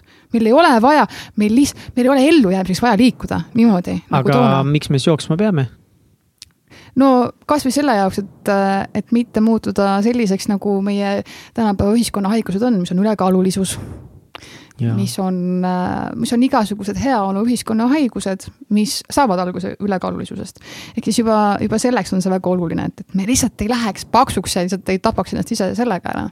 Liikuma peab, mul on hea tunne ka, kui ma käin lühikesi jookse tegemas. Te olete mõlemad väga heas vormis ka ilmselt. mina olen lihtsalt geneetiliselt, tegelikult Mihkel on samamoodi me oleme lihtsalt tegelikult geneetiliselt nagu me ei lähe paksuks nagu Meelis, mina. läbi teie seest. mul tuleb kõ, ei kõhuke, mul tuleb ikka väga kiiresti ette, aga mul läheb ülikiirelt kõht ära ka, et mul on põhimõtteliselt niimoodi, et kui ma olen nagu mingi, ma ei tea, paar nädalat või kuskil, ma ei tea, ülipalju söönud mingi aeg, ma näen õllekas on mm -hmm. ees, siis ma saan sellest õllekast ülikiirelt lahti. see on täiega lahe. no ma pean isegi seda tunnistama, et mul on ka lihtsalt väga palju sellist geneetilist eeldust antud, et ma ei pea selleks väga palju vaeva nägema, et olla nagu vormis. aga sellegipoolest, et noh, et et mida ma ikkagi tunnen, et mida nagu vanemaks ma saan, seda keerulisem see ma ei tea, juba noh, mida ma ühelt oma väga head kolleegilt kuulsin, et, et kui tal kolmkümmend ette lõi, siis oligi see, et ainevahetus kõik muutus lihtsalt. et mida aeg edasi, seda keerulisemaks äh, see naisterahva puhul läheb, aga noh, inimesed jällegi on erinevad. jah, aga hea enesetunde nimel tasub trenni teha. seda kindlasti. aga ma tahaks praegu rääkida just sellest, et mis on olnud nagu suurim äh, väljakutse sinu selliste sportlike väljakutsete seas, et mis on olnud nagu need kõige raskemad hetked või noh, sest see ei, see kolmsada kilomeetrit jooksu ja sinna kõik muu nagu või ratast eh, otsas ei ole lihtne seda teha. et eh, mis sa ise tunned, et on olnud füüsiliselt ja vaimselt võib-olla kõige suurem väljakutse mm,?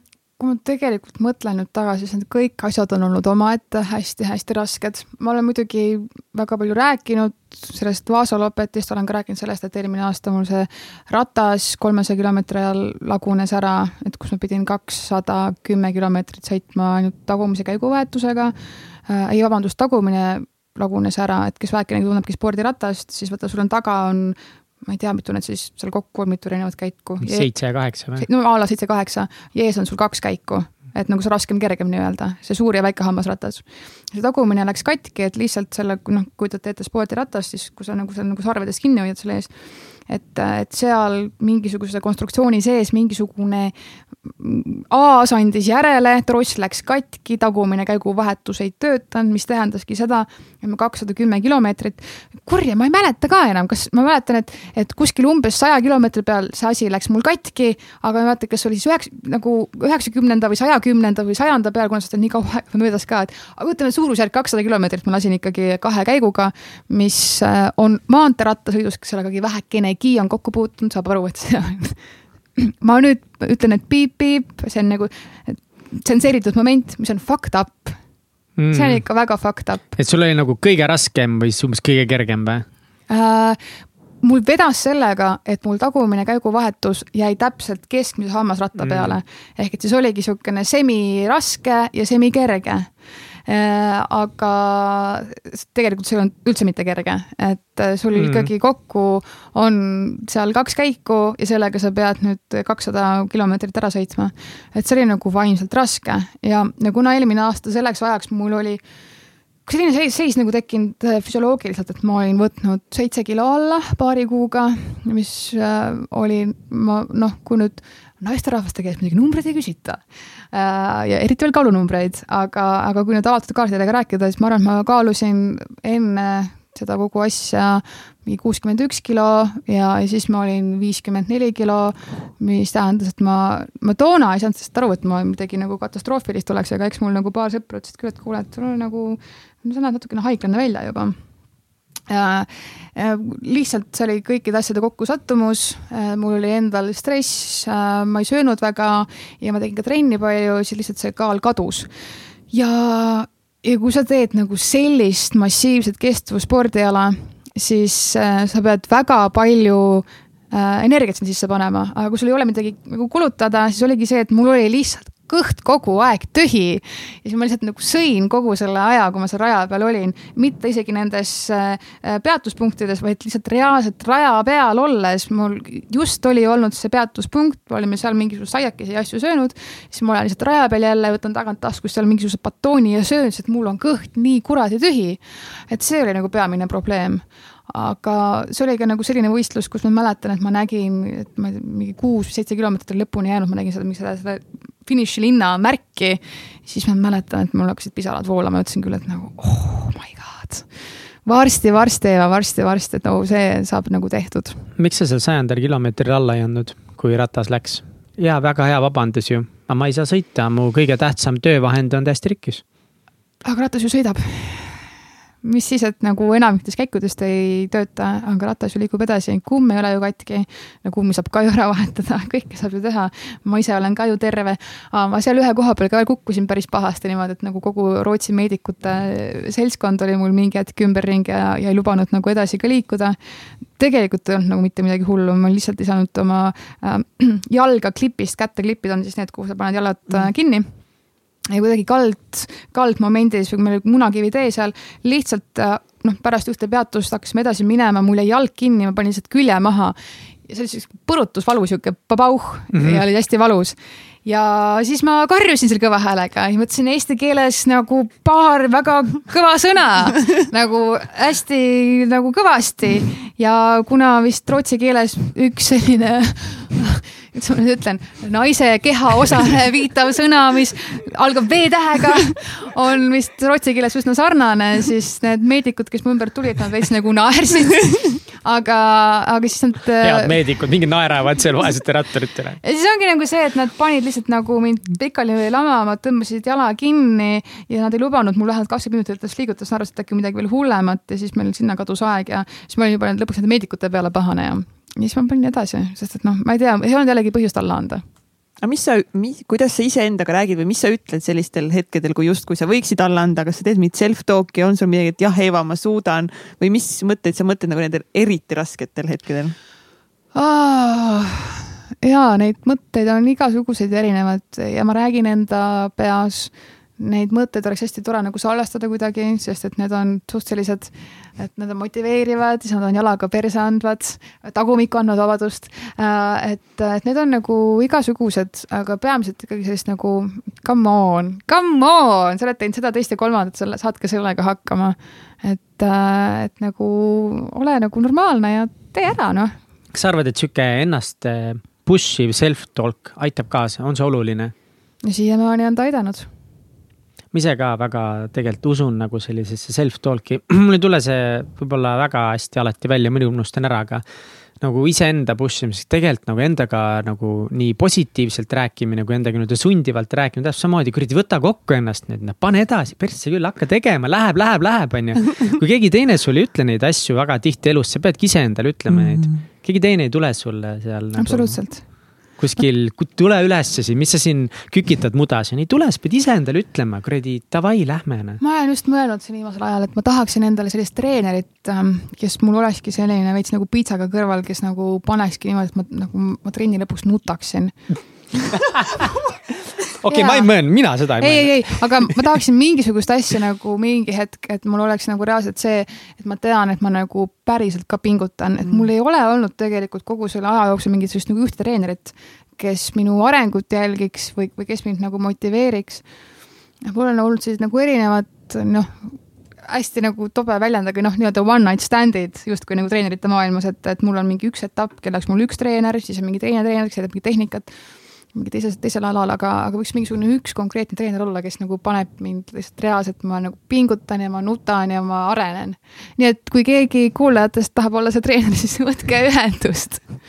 kas piisab ainult sellest, et ta karjub su peale ei no sellele karjumisel peab ka mingisugune mõte olema, lihtsalt nagu see, et no ma mäletan, kui ma olen käinud Sandra Raju trennides äh, MyFitnessis, siis äh, ta on ka, ta on nagu äh, ta on küll hästi tore inimene mm. -hmm. Shout out to Sandra, aga, aga ma ei tea, kas ta nagu ongi nii eh, raskete trennidega treener või ta on lihtsalt mind proovile pannud, aga ma olen nagu reaalselt kõva häälega talle karjunud ka koledaid sõnu seal MyFitnessis vastu, aga samas see motiveerib. kui sa tead, et ta nagu paneb sind nagu proovile ka kõikide teiste nagu ees, siis see nagu motiveerib ja, ja see viib edasi pehmod mul ei istu uh, I love it. mis on järgmised sportlikud väljakutsed ootamas ees sind? oktoobri lõpus Frankfurdi linnamaraton, mis on mu esimene täismaraton, aga pärast, mida ma tahaks natuke vabamalt võtta, võib-olla siis läks lõpuks Tartu maratonile ka, suusamaratonile kuule, aga lähme sinu äh, professionaalse karjääri poole. see on nagu see, sa oled selles mõttes äge, et, et sinu nii professionaalne kui ka sportlik äh, karjäär. olgugi, et sa ise väga kindlalt ja veendunult alati väidad, et kõike see, mida sa sportlikult suudad, suudab igaüks. mida on hea kuulda, see on väga julgustav mulle. äkki ma siis suudan. aga see professionaalne karjäär on samamoodi päris äh, on olnud hetkeid, kus sa pead iseendale ütlema, et kurat, pane edasi ja mõni pisar võib-olla on silmas olnud ja, ja sa oled päris ägedaid ja crazy sid äh, projekte teinud. aga kuidas nagu lühidalt üldse see algus, sisenemine pärast ülikooli, sest see meediamaailmas siin oli, kas see nagu oli kõik see, mida sa kujutasid ette, et saab olema? unistus, lõpuks sa olid kohal ETV. jaa, tegelikult äh, tegelikult mu sisenemine sellesse valdkonda käis ju väga sujuvalt ja, ja väga kõrge lennuga ja väga hästi. et tulla otse ülikoolist Aktuaalse Kaamera majandusuudiste toimetajaks ja saatejuhiks oli ju väga suur privileeg. et noh, ma ütlen päris ausalt, et kui ma näeksin tänapäeval ise televaatajana eetrist, et nagu majandusuudiste eetris on keegi kahekümne kahe aastane või kui ma teaks, et ta on kahekümne kahe aastane, sorry, ma ise ei võtaks seda väga tõsiselt. Ma ilmselt ei võtaks seda väga tõsiselt. esiteks tal jääb juba sellest maailma tunnetusest puudu, tal jääb silmaringist puudu, ta ise ei näe ka väga nagu usaldusväärne välja, et äh, tagantjärgi mõeldes see on mulle nagu hästi suur privileeg ja au, et mind võeti piisavalt tõsiselt, et ma sain sellist tööd teha ja see on olnud minu hüppelauaks igale poole mujale, et see kõik käibki mingisuguste sammude kaupa, et oli see siis AK, sealt edasi raadio, mingid teleprojektid, kõik, kõik, kõik. et sellist loogilist rada pidi käinud, et, et see, et saada otsa ülikoolist sinna Aktuaalsesse kaamerasse, mis tegelikult on raske koht, kuhu saada, sellepärast et toimetus on mehitatud inimesed oma iga tööülesande peal on olemas, aga kuna lihtsalt üks inimene just enne seda, kui ma ülikooli lõpetasin, tuli sealt nagu ära, siis see koht vabanes, tehti suur konkurss, äh, mille ma võitsin, mis on väga tore. no pole mina õige inimene vastama, eks ole, et miks ma nüüd võitsin. mis sa arvad? sest ma olen parim äh, eks ma arvan, et sellepärast, et ma olin käinud varasemalt praktikal, olin jätnud hea mulje, võib-olla ka minu see esinemine seal vestlusvoorus tuli piisavalt hästi välja, olin neile veenev, ütlesin ja kinnitasin, et minu edasine plaan on jääda Rahvusringhäälingusse, mida ma ka jäin järgnevaks viieks aastaks tegelikult suisa kuueks aastaks. nii et kõik tegelikult ka ju klappis ja, ja läks paika, aga lihtsalt see etapp sai minu jaoks läbi hmm.. aga kas see, kas sa tunned, et sind võeti tõsiselt? Äh, tegelikult ma pean ütlema, et ma ei tundnud kordagi, et mind ei võetaks tõsiselt ma, aga ma ei tea, kas see oli sellepärast, et ma seda ise võib-olla aru ei saanud. aga mul ei olnud küll kordagi seda momenti, et ma ei tunneks, et mind ei võetaks tõsiselt. võib-olla need olukorrad, kui ma arvasin, et mind ei võeta tõsiselt, olid äkki mu peas endas kinni. ma ei tahaks uskuda, et mind põhjusel või teisel tegelikult ka ei võetud tõsiselt hmm.. aga kuidas see elu seal nagu on, kas see oli sinu jaoks, oli see sobiv sulle, kas sa ise tundsid, et see on täpselt see, mida sa teha tahtsid? alguses kindlasti oli jah, see alguses tegelikult see võis ikka megaäge olla. ja äh, ma mäletan seda momenti, kui toonane Aktuaalse Kaamera juht äh, Urmet Kook mulle saatis kirja. ma siis veel elasin Tartus, olin, ma polnud veel isegi üle, ülikooli lõpetanud. see oli siis pärast seda, kui ma olin seal katsetel käinud nii-öelda, saatis mulle kirja äh, hästi halvasti kirjutatud kirja, sest alguses ta kirjutas niimoodi, et tere, Eeva, kahjuks ma pean sulle kirjutama, et äh, sa oled valitud kõikide nende kandidaatide hulgast. ja siis mul oli, alguses ma sain selle indikatsiooni, et okei okay,, et see nüüd ei läinud nagu hästi. aga siis ma sain aru, et oh my god, oh my god, oh my god, oh my god. jaa, vau. ja siis ma, ma nagu reaalselt mäletan, kuidas ma toas nagu hüppasin, ma päriselt ka hüppasin, sest et, et ma sain sinna töökohale, mis mu too, too moment oligi mu unistuse töökoht tegelikult ja see majandusvaldkond ja kõik noh, mis ongi inimestele olnud siiamaani hästi suur küsimus, et nagu what the hell, et miks nagu majandus ja mingi noor tüdruk, et kas see nagu tegelikult ka oli sinu jaoks nagu tõmbav, jaa, absoluutselt kultuur ei olnud see, mida ma oleks tahtnud teha, et, et majandus ja need teemad olid kindlasti pigem nagu teema, mis mind tõmbasid aga kas sa siis nägid nagu vaeva ka hästi palju, et nagu ennast viia, ma ei tea, maailmamajandusega kokku või kas sa tundsid, et sa pead nagu ainult ära mm. nagu deliver dama need lood, mis sa pead deliver dama või sa tundsid, et okei okay,, nüüd ma pean maailmamajanduse selgeks õppima, makromajandus. ma mäletan seda momenti, kui ma, äh, see oli siis äh, suvi enne seda, kui ma sinna tööle läksin ma olin kuskil rannas, äkki mingi, ma ei tea, Stroomi rannas või kuskil Tallinna rannas ma olin, ma olin just Tallinnasse siis ka kolinud. mõtlesin, et okei okay,, et äh, maailm on minu auster nüüd, eks ole. et äh, võtsin, ei mäleta, kus ma selle sain, kuskilt raamatukogust võtsin mingisuguse a la ma ei tea, Economy for Dummies või mingi, mingisuguse raamatu ja ma mäletan seda või ma ostsin, ma, ma täpselt ei mäleta, aga mul oli mingi raamat mingi majandusteemaline raamat ja ma olin seal rannas ja ma töötasin seda läbi ja ma mäletan seda, kuidas ma lugesin rahatrüki kohta, et kuidas rahatrükk käib, mis on selle eesmärk, kuidas ma joonisin seda kõike alla ja nagu proovisin seda basic ut endale selgeks teha aga muidugi siis lõpuks tööle minnes aru saades, et noh, see on tore küll, see basic ja kõik, aga noh, seda tegelikult mu igapäevatöös, noh muidugi sa pead aduma kogu seda mm -hmm. suuremat süsteemi, aga reaalsus vähemalt toona oli see, et sa käisidki lihtsalt pressikonverentsilt pressikonverentsile, ega neid feature lugusid ka väga ei olnud, et, et sellise üldtaustaga sul noh, nice to have, aga ega sellest nagu praktikas midagi nagu tarvilikku mis asi on feature lugu? No see on see, et kui me võtame mingisuguse, kas mäletad, kunagi oli selline saade nagu Kapital? seal ma töötasin väga tuttav nimi, aga ei mäleta. Eesti Televisiooni majandussaade, äh, Kaileen Mägi seda alustas omal ajal nope. või Eeva Vahur, Eeva Vahuril on ka uus nimi või ühesõnaga selline majandussaade, see oli päris pikka aega eetris ja seal oli siis nagu iga nädal oli äh, erinevad siis teemad. ta küll ei lähtunud väga päevakajast, aga seal olid sellised nii-öelda seletavad lood.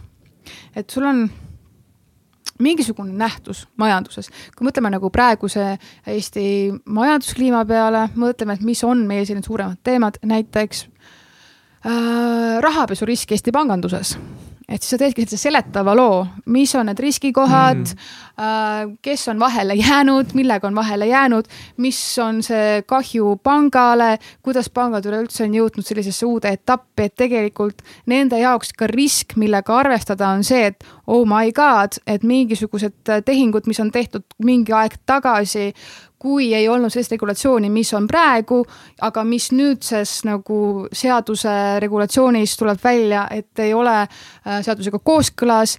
Ja kui nüüd mingisugune meediaorganisatsioon, näiteks Rootsi äh, Rahvusringhääling teeb sellest väga-väga suure loo ja mis on nagu rahvusvaheline skandaal, et kuidas see pankade mainet kahjustab, mis on nagu täiesti uus risk, meediarisk, et teha sellest mingisugune lugu, näiteks see on feature story. Mm..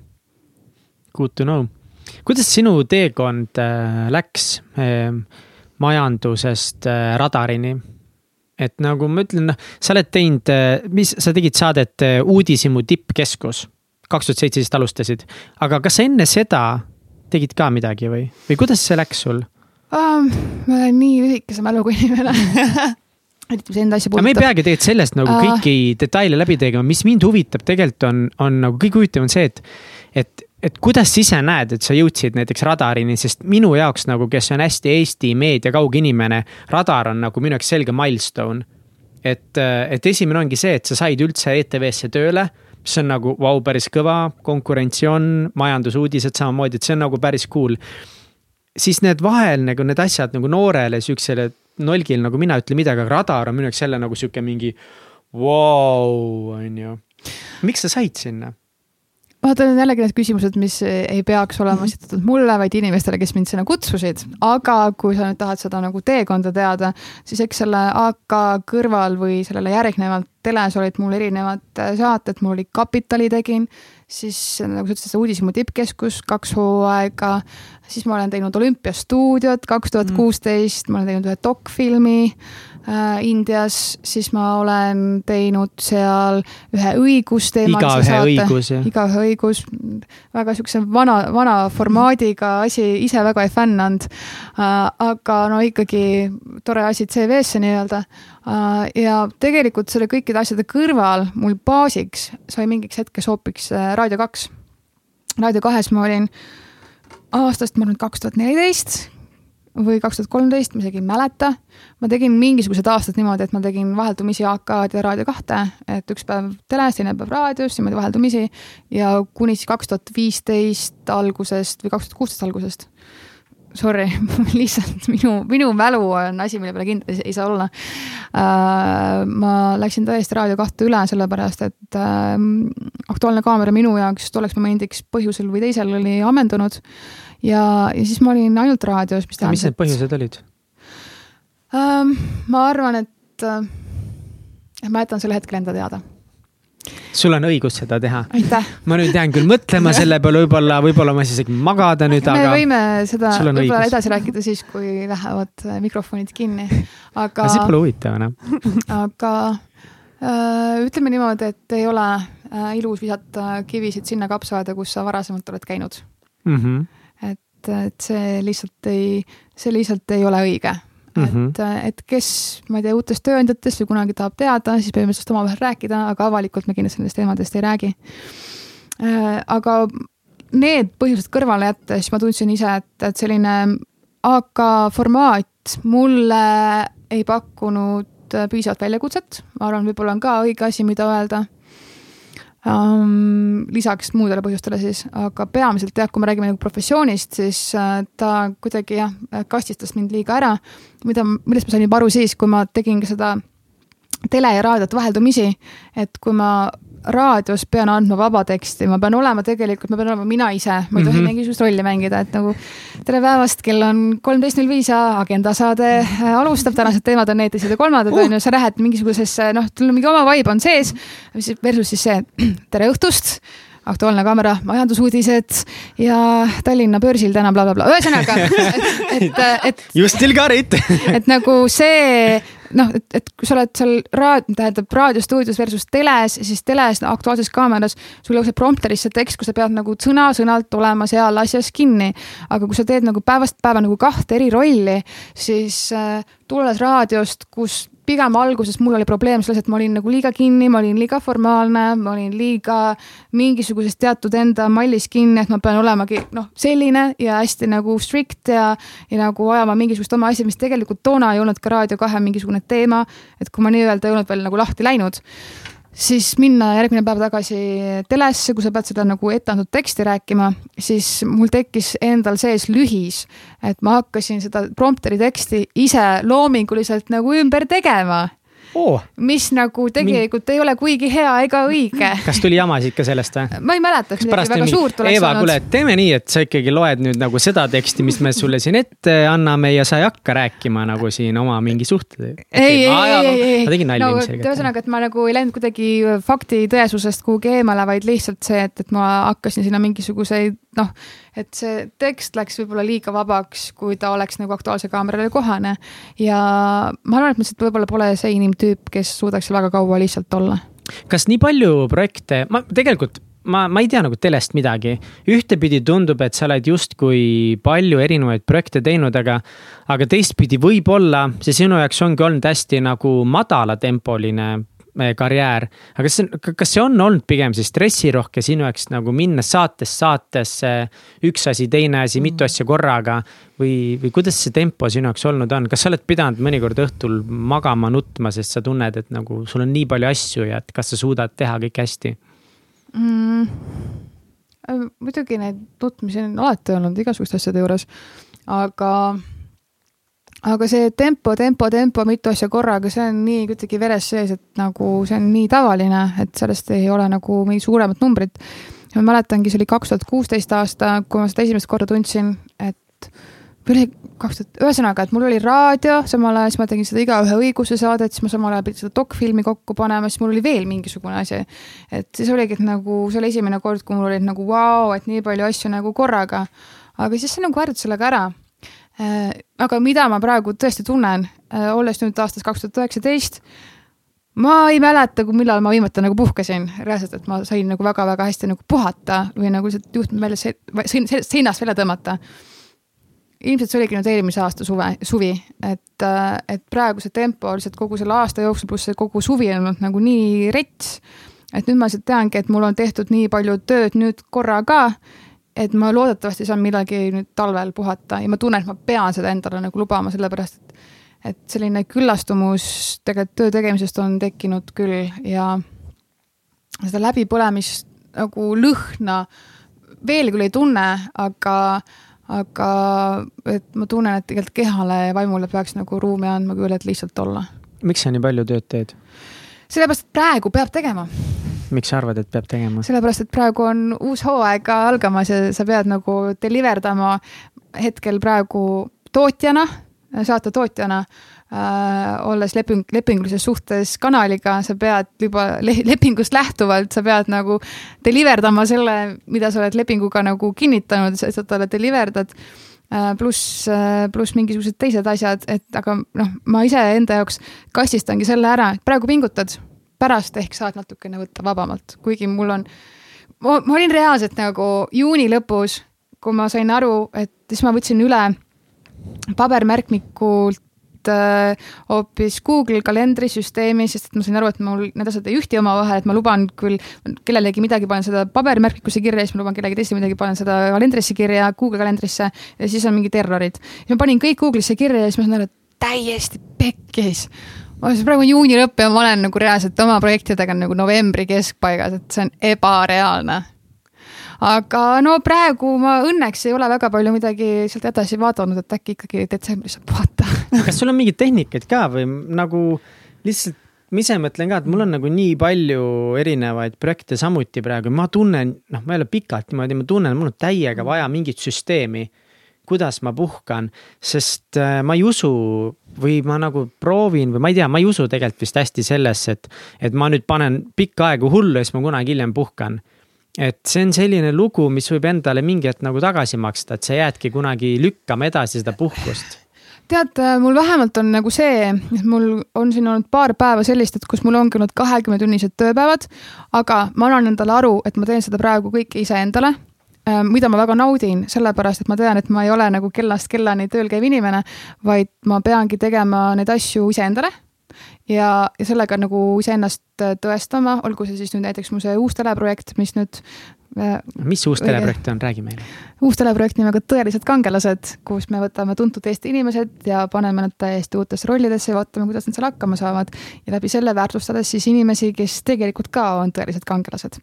ja, ja see on nagu selline projekt, mida ma just ise nii väga naudin, et ma olen hästi suur dokumentalistika fänn, et ma tegelikult olen iseennast saatest nagu ma arvan, viinud kümne protsendi peale, et mina kui saatejuht olen seal ainult alguses mm. ja lõpus, ülejäänud osa on kõik see, et nagu come on, need inimesed, kes seal nagu teevad neid erinevaid töid või situatsioone, nemad on need, kes nagu ruulivad ja nemad on need, kes on noh, selle asja nagu ära teevad ma natukene olen ka televaatajana väsinud sellisest äh, saatejuhi kesksest formaadist ja ma tundsin seda juba töö tegemise käigus, et mind ei ole ennast sinna sisse vaja, et mulle meeldib nüüd tootjana ja ka selle asja nagu autorina võtta see materjal ja hakata sealt seda asja üles ehitama mm. -hmm. et see on nagu minu jaoks nii exciting ja nagu nii äge ja et, äh, et seda ma nagu väga naudin, kuigi võttepäevad on tõesti sellised, et nüüd me läheme viiendal septembril ei räägi sellest või? ei räägi, räägi.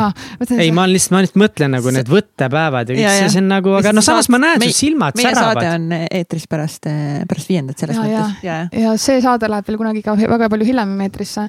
et, et see on ühesõnaga niimoodi, et me võtame hommikul kell viis kolmkümmend peale juba Piret Krummi ja läheme temaga ühte väga põnevasse kohta, kus ta terve päeva veedab ja, ja meil ongi reaalselt sellised nagu võttepäevad, et, et kell Äh, viis something, võtame a la Evelin Ilvese peale, läheme temaga Tallinna sadamasse, kus ta veedab päev Tallinki laeva peal, et ja siis noh, kui ma mõtlengi näiteks selle võttepäeva peale konkreetselt, sellele eelnes üks päev, kus ma ärkasin ka äh, viis sõitsime siis äh, Türile, kus me veetsime kahe lauljaga ühe pika päeva, jõudsime kell kaheksa tagasi Tallinnasse, tegin tund aega montaaži, siis ma läksin äh, Evelini juurde, tegime seal ühe väikese intervjuu, ma jõudsin tagasi koju kell kümme, siis ma tegin kella kaheni montaaži, siis ma läksin magama, siis mul oli neli viiskümmend äratus, siis mul oli Eveliniga pikk võttepäev. Ja siis ma nagu mingi hetk saan aru, et okei okay,, see ei ole nagu okei okay. et nagu nii palju tõmmeldes ma ei teinud mitte midagi muud selle päeva jooksul. samas ise, ise kogu aeg nagu põdedes, et sa pead tegema trenni, sa pead tegema seda ja teist wow. ja kolmandat, sul pole nagu aega millegi muu jaoks. aga siis sa saad aru, et aga sa teed seda nagu tegelikult nagu iseendale, sa oled ise selle aja peremees, sa oled ise selle tee nagu valinud.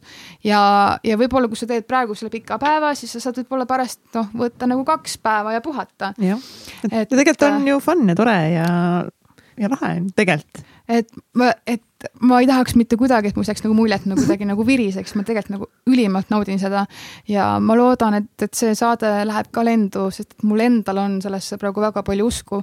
ja ma ütlen ausalt, mul pole kunagi olnud usku ja nagu nii suurt rõõmu teha mitte ühtegi teist projekti kui seda praegu mm,. Nagu seda nagu on mega hea kuulda. kas see on sellepärast, et kõik on nagu päriselt sinu looming ja sinu juhitud? ma ei saaks seda öelda, et see nüüd sellepärast, et see minu looming on, sest et nagu lihtsalt see, kuidas need asjad on kokku klappinud ja kuidas need need, situatsioonid ja, ja see nagu päris elu, mis sealt nagu seest välja tuleb, see on minu jaoks nagu nii põnev, et ma olen noh, kui ma olen ka ükskõik mis muud saadet teinud, siis on see, et okei okay,, esimese asjana sa käid võttel pärast sa pead seda materjali üle vaatama, siis sa vaatad seda veel üks kord üle ja veel üks kord üle, siis ta läheb nagu lõppmontaaži. siis rohkem ei viitsi seda vaadata, aga ma olen seda isegi seda esimest episoodi kus Lenna on kitsefarmis, ma olen seda nüüd üle vaadanud niimoodi, et ma olen näidanud seda oma elu kõige suurematele kriitikutele, kelleks on mu vanemad ja mu elukaaslane.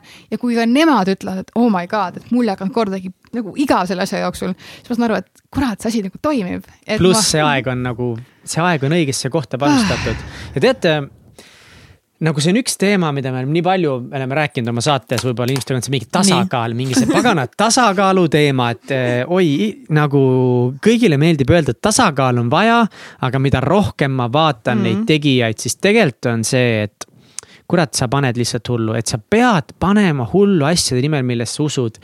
ja ma ei tea, ma olen nagu, ma tahaks öelda, et see tasakaal on oluline, aga ma ei, mul lihtsalt ei ole päriselus praegu mitte kuskilt võtta ühtegi näidet kes on midagi ägedat üles ehitanud. niimoodi, et ei ole ühtegi perioodi ka olnud, kus ta ei ole pidanud hullu panema.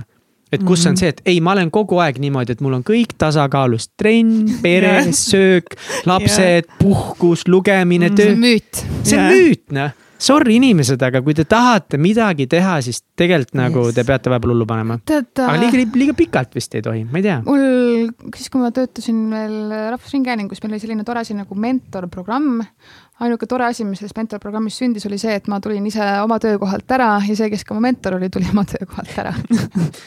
Jõudsite heale nagu arusaamale seal? minu mentor oli Rasmus Kage.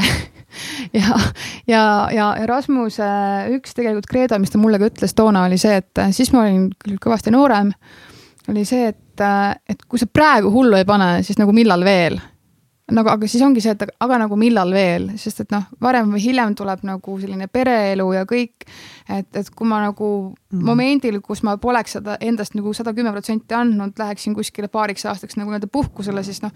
see ratas läheb ka nii kiiresti edasi, et siis ma lihtsalt jään sellest kõigest maha, et ma praegu panustangi, kuigi ma praegu ütlen ausalt, et minu jaoks on see täiesti fine, et kui ma hakkangi mingit hoopis midagi muud tegema, et ma ei pea olema ilmtingimata selles valdkonnas. et ma olen sellega nagu rahu teinud, et eriti just nüüd kui nüüd see sügise, vabandust, suve algus oli, kevade lõpp, suve algus, kui meil pandi saade kinni, mis oli. radari kõige, saade. just, mis oli, mis, mis tegelikult oligi meil kõigile väga suur šokk. räägi sellest. miks see sulle šokk oli? sellepärast, et meil oli kogu aeg öeldud, et, et see on saade, mis on kanali prioriteet mm, -hmm. mida kinni ei panda ja siis saame sellest nagu tund aega enne seda teada, kui see läheb avalikuks uh,. Out of the blue, et see lihtsalt oli šokk et seda lihtsalt keegi ei osanud nagu oodata. mida sa tundsid siis? ma mäletan, et äh, kui meie otsene ülemus tuli seda meile ütlema, siis ma alguses ei saanud aru, mis see nagu scope on, aga kui ma siis nagu lõpuks küsisin, et kas see tähendab, et meid pannakse kinni või siis ta ütles jaa, siis mul hakkasid pisarad nagu siit voolama, sest et see oli nagu, et vau, mis asja. Te olite juba uue hooaja jaoks tööd ka teinud selleks? ja mul oli tegelikult päris palju asju, mis mul oli plaanitudki nagu pika vinnaga lood, mida ma suvel hakkan tegema mis millest mul on päris kahju, sest ma ei usu, et keegi väga viitsiks neid niimoodi süviti nüüd ette võtta Aga... kas sa tunned, et kui, kui palju sa sidusid nagu oma identiteedi ja hinge ja kõik oma pühendumuse sellesse saatesse? tead, seda mingi identiteeti või hinge millegagi siduda, see on ka sihuke, ma ei tea, natuke lühikese perspektiivi asi, sest et nagu kui elu on nii pidevas muutumises, millegagi ennast siduda niimoodi, see aga kas ka... sa tegid seda? ma ei, ma ei usu ma muidugi nagu oli veits nagu see, et äh, mida ma ütlen nagu ausalt, et äh, kui see läks avalikuks, et radar pannakse kinni, siis, äh, siis mõistagi ma nüüd ootasin, et mis nüüd edasi saab. kas mu enda nii-öelda varasem kodukanal pöördub mu poole, et kuule, et davai, tule nüüd tagasi. ja ma sain iseenda nii-öelda lakmuspaberi testiga nagu tagasi vastuse, et, et ei, et mind ei ole sinna nagu põhjusel või teisel nagu tahetud. noh, millest ma tegelikult saan aru, et nende enda saated on ka juba mehitatud, et neil pole mulle mitte midagi pakkuda. aga, aga kasvõi juba see, et noh, et ma olen saadaval. ta ei taha mind. I get it mm, -hmm. et, äh, et ma sain nagu sellest mingisuguse teatava üleoleku sellest, et okei okay,, et ela lihtsalt hetkes, et, äh, et jääda tagasi ma ei tea, muretsema selle pärast, et võib-olla sa sobiksid, noh, mida mulle mõistagi öeldakse, et kuule, et nagu ETV on see, kus sa peaksid olema. millest ma tegelikult saan ka siiamaani aru, et võib-olla see ongi see õige koht, kus ma nagu ennast peaksin realiseerima, aga kui siiamaani pole niimoodi läinud, siis ju siis peab niimoodi olema, et ma, mida ma ütlen ka täiesti ausalt, et et võib-olla Kanal kaks ei ole see, mille programmi valikutega ma oleksin igal juhul sada protsenti nõus, aga ma olen teinud iseenda sees nagu rahu sellega, et, et ma siis teen iseenda asja seal niimoodi, mida ma teen nagu sada protsenti nii hästi, kui ma oskan. ja nagu annan sellega neile mingisuguse väärtuse, et ma olen nagu selle enda jaoks lahti sidunud, et võib-olla kui ma enne minu jaoks oli see väga suur auasi, et olla ETV-s mm. -hmm. aga, aga ma näen, et, et võib-olla see vesi seisab seal liiga kaua selle jaoks, et ma saaksin ennast realiseerida mm.. radarist on isegi kahju et nagu ma ei tea, ma olen üldiselt üldse megakriitiline Eesti televisioonimaastik oh, üle. ma olen, no Kats teab, kui kriitiline ma olen, ma ikka nagu noh, ma arvan, et tegelikult ma ikka ei salli üldse televisiooni enam, ammu juba. ma loodan, et sulle ja... minu saated hakkavad meeldima äh,. sa võid anda ausat tagasisidet, sa ei pea sugarcoat ima. ma ei, ma ei sugarcoat'i pea kunagi siukest asja. nüüd on vähemalt põhjust sul mingit saadet vaata, vaadata. ja on, aga kuidas, kuidas sa nagu, kas ise tunned ka seda survet, et nagu teha head televisiooni, sest sitta televisiooni tehakse ikka nii palju Eestis, et nagu uh Äh, vaata, siin ongi jälle see, et, et mis on see nagu hea televisioon, et kui ei, ma arvan, et nagu sitt televisioon vaatab... on see, mida tehakse täna, mulle tundub lihtsalt sellepärast, et eetriaeg on vaja ära täita äh,. vot siin on nagu kaks otsa, et üks asi on, kui me räägime nüüd erakanalitest avalik-õiguslik meedia seda nii palju ei vaata, aga kõige olulisem mõõdik on ikkagi reiting. ja kui sul reiting mm. mingi asja kohta on väga hea, aga võib-olla sina tunned selle kohta, et oh my god, see on sitt televisioon, siis sorry mm, -hmm. see tähendab et ikkagi, et Eesti inimene seda vaatab. mis siis.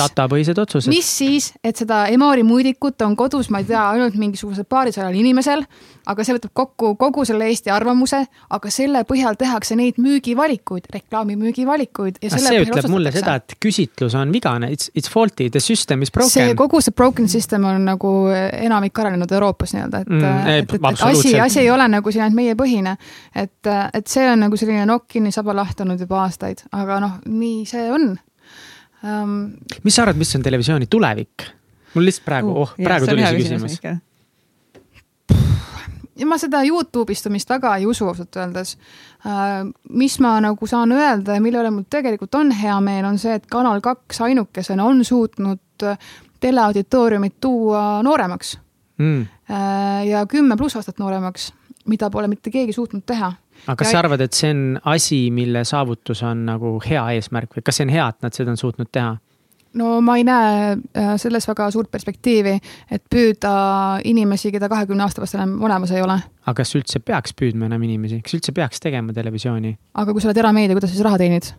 aga äkki nad ei peakski raha teenima see, siin on juba praegu sellel, sellel tabuetilt on ka nagu see kolmas jalg ära võetud. minu, minu point on nagu see, et, et see, et me paneme, et inimesed vaatavad mingit televisiooni, ma olen nagu nõus, et on häid saateid, on kehvu saateid. aga kui sa nagu vaatad kõrvalt nagu, et kas ühiskonnal on vaja teatud televisiooni? kas meil on vaja mis, mis seda? mis asi on teatud televisioon?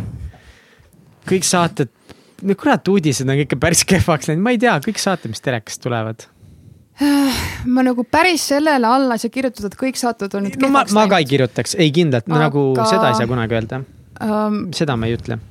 tead, ma ei tahaks nagu tekitada seda efekti, nagu on iga uue ministriga, kes ametisse saab ja kes läheb nüüd ministeeriumisse ja arvab, et alates temast algab see aja arvamine yeah.. et tegelikult noh, et ma tunnen ennast ka natukene liiga väikesena, et öelda, et oh, see, mida te praegu teete, on nagu ilge pask mm. -hmm. täpselt enne tehtud hästi mm. -hmm. Uh, et alati on olnud mingisugused nagu perioodid, mis tegelikult on nagu tekitanud väga palju küsimusi, et, et jah, mulle endale tundub ka, et näiteks, et see kollasus, mis meil on meedias, see uudiste üleküllus, et see on nagu veits ka selline väsitav.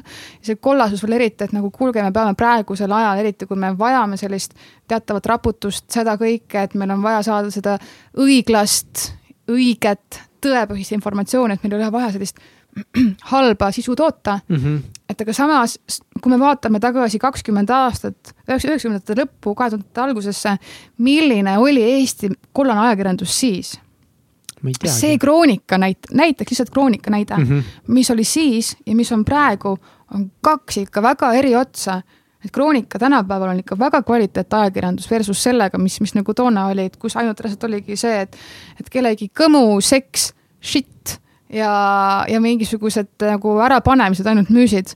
et nagu tänapäeva Kroonika on ikka väga ikkagi eetiline väljaanne võrreldes sellega, mis oli kakskümmend aastat tagasi. Are you serious? nagu ma ei tea, miks mingi aga.... I m really serious, ma ei tea, mul ka kuidagi seda English'it nii palju tuleb sisse, mis, mida mul väga palju ette heidetud, aga. hea meelega jaa, sama. et, äh, et tegelikult Äh, et see kõik käib nagu mingi teatavate tsüklitena ja kuna see noh, inimesed elavadki ju hetkes, nad saavad nagu, nad oskavad analüüsida peamiselt seda, mis on nagu praegu ja praegu.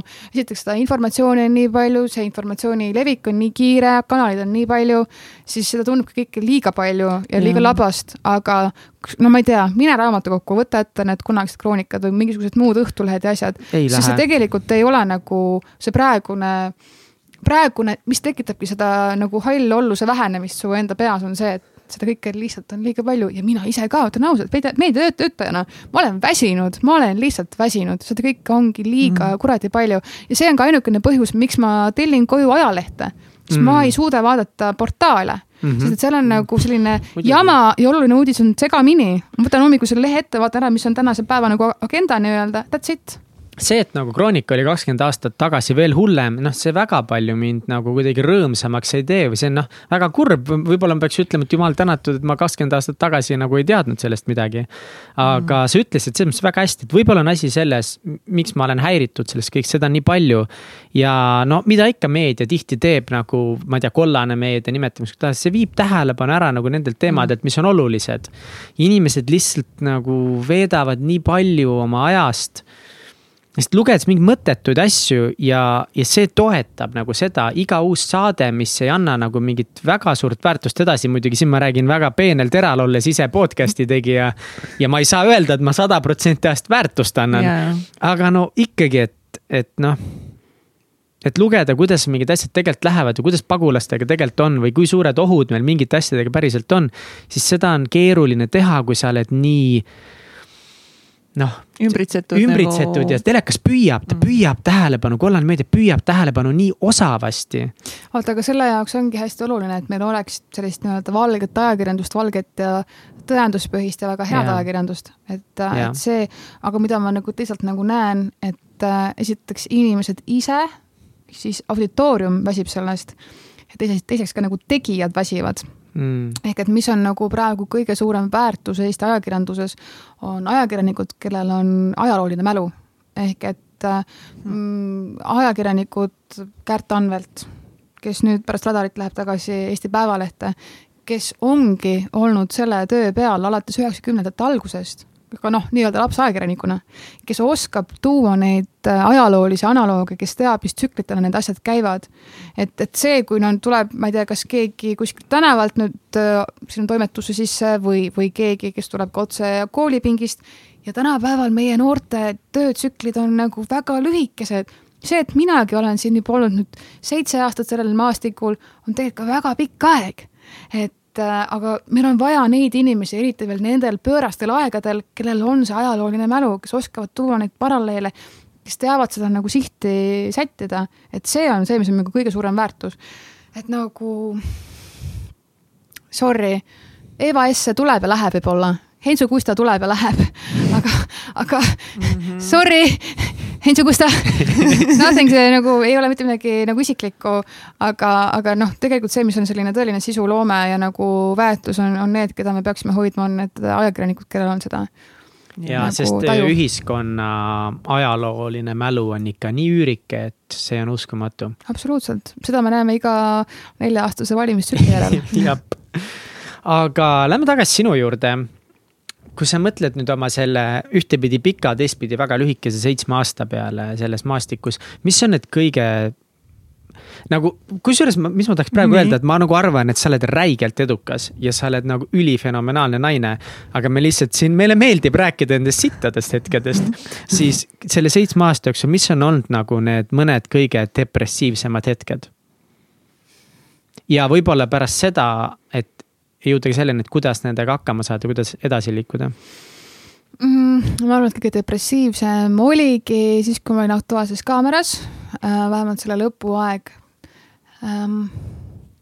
et see oli nagu see moment, kus ma ise nagu sain aru, et mu enda mees ütles seda kõrvalt, et kuule, et see ei ole nagu okei okay,, milline sa nagu kodus oled. et sa oled nii närvis, sa oled nii stressis, sa tood selle kõik koju kaasa äh,. nagu ma mäletan seda, kuidas ma elasin ennast välja äh, kolm kuud niimoodi, et ma lihtsalt planeerisin meie kahenädalast Itaalia reisi et ma lihtsalt tahtsin oma mõtted kuskilt ära saada või kuskile ära saada. ma vaatasin mingisuguseid Itaalia mingeid reisisarju ja kõike, kõike, et, et nagu planeerida meie reisi, et mitte mõelda tavaeluliste probleemide peale, mis, mis mul töölt kaasa tuleb. ja need tööprobleemid tegelikult olid nagu väga lihtsalt inimlikud probleemid, lihtsalt nagu asjad, kuidas noh, ma ei saa siin minna isiklikuks ei peagi. ma ei tohi siin minna isiklikuks, sest et ma ei saa seda endale lubada mm. -hmm. aga, aga see on nagu üks äh, raskemaid äh, pro, nagu perioode mu tööelus olnud siiamaani ja, ja väga ka õpetlik ja noh, ma ei taha mitte midagi halba selle kohta öelda, sest see, mida ma seal läbi elasin, kuidas minuga käituti äh,, kasvatas mind edasi järgnevateks etappideks, et ma olen kõige selle eest nagu väga tänulik. et inimesed, kelle kohta ma toona mõtlesin võib-olla väga kehvasti ma väga tänan neid tänapäeval, sellepärast et nad andsid mulle selle selgroo, mis mul tänasel päeval on.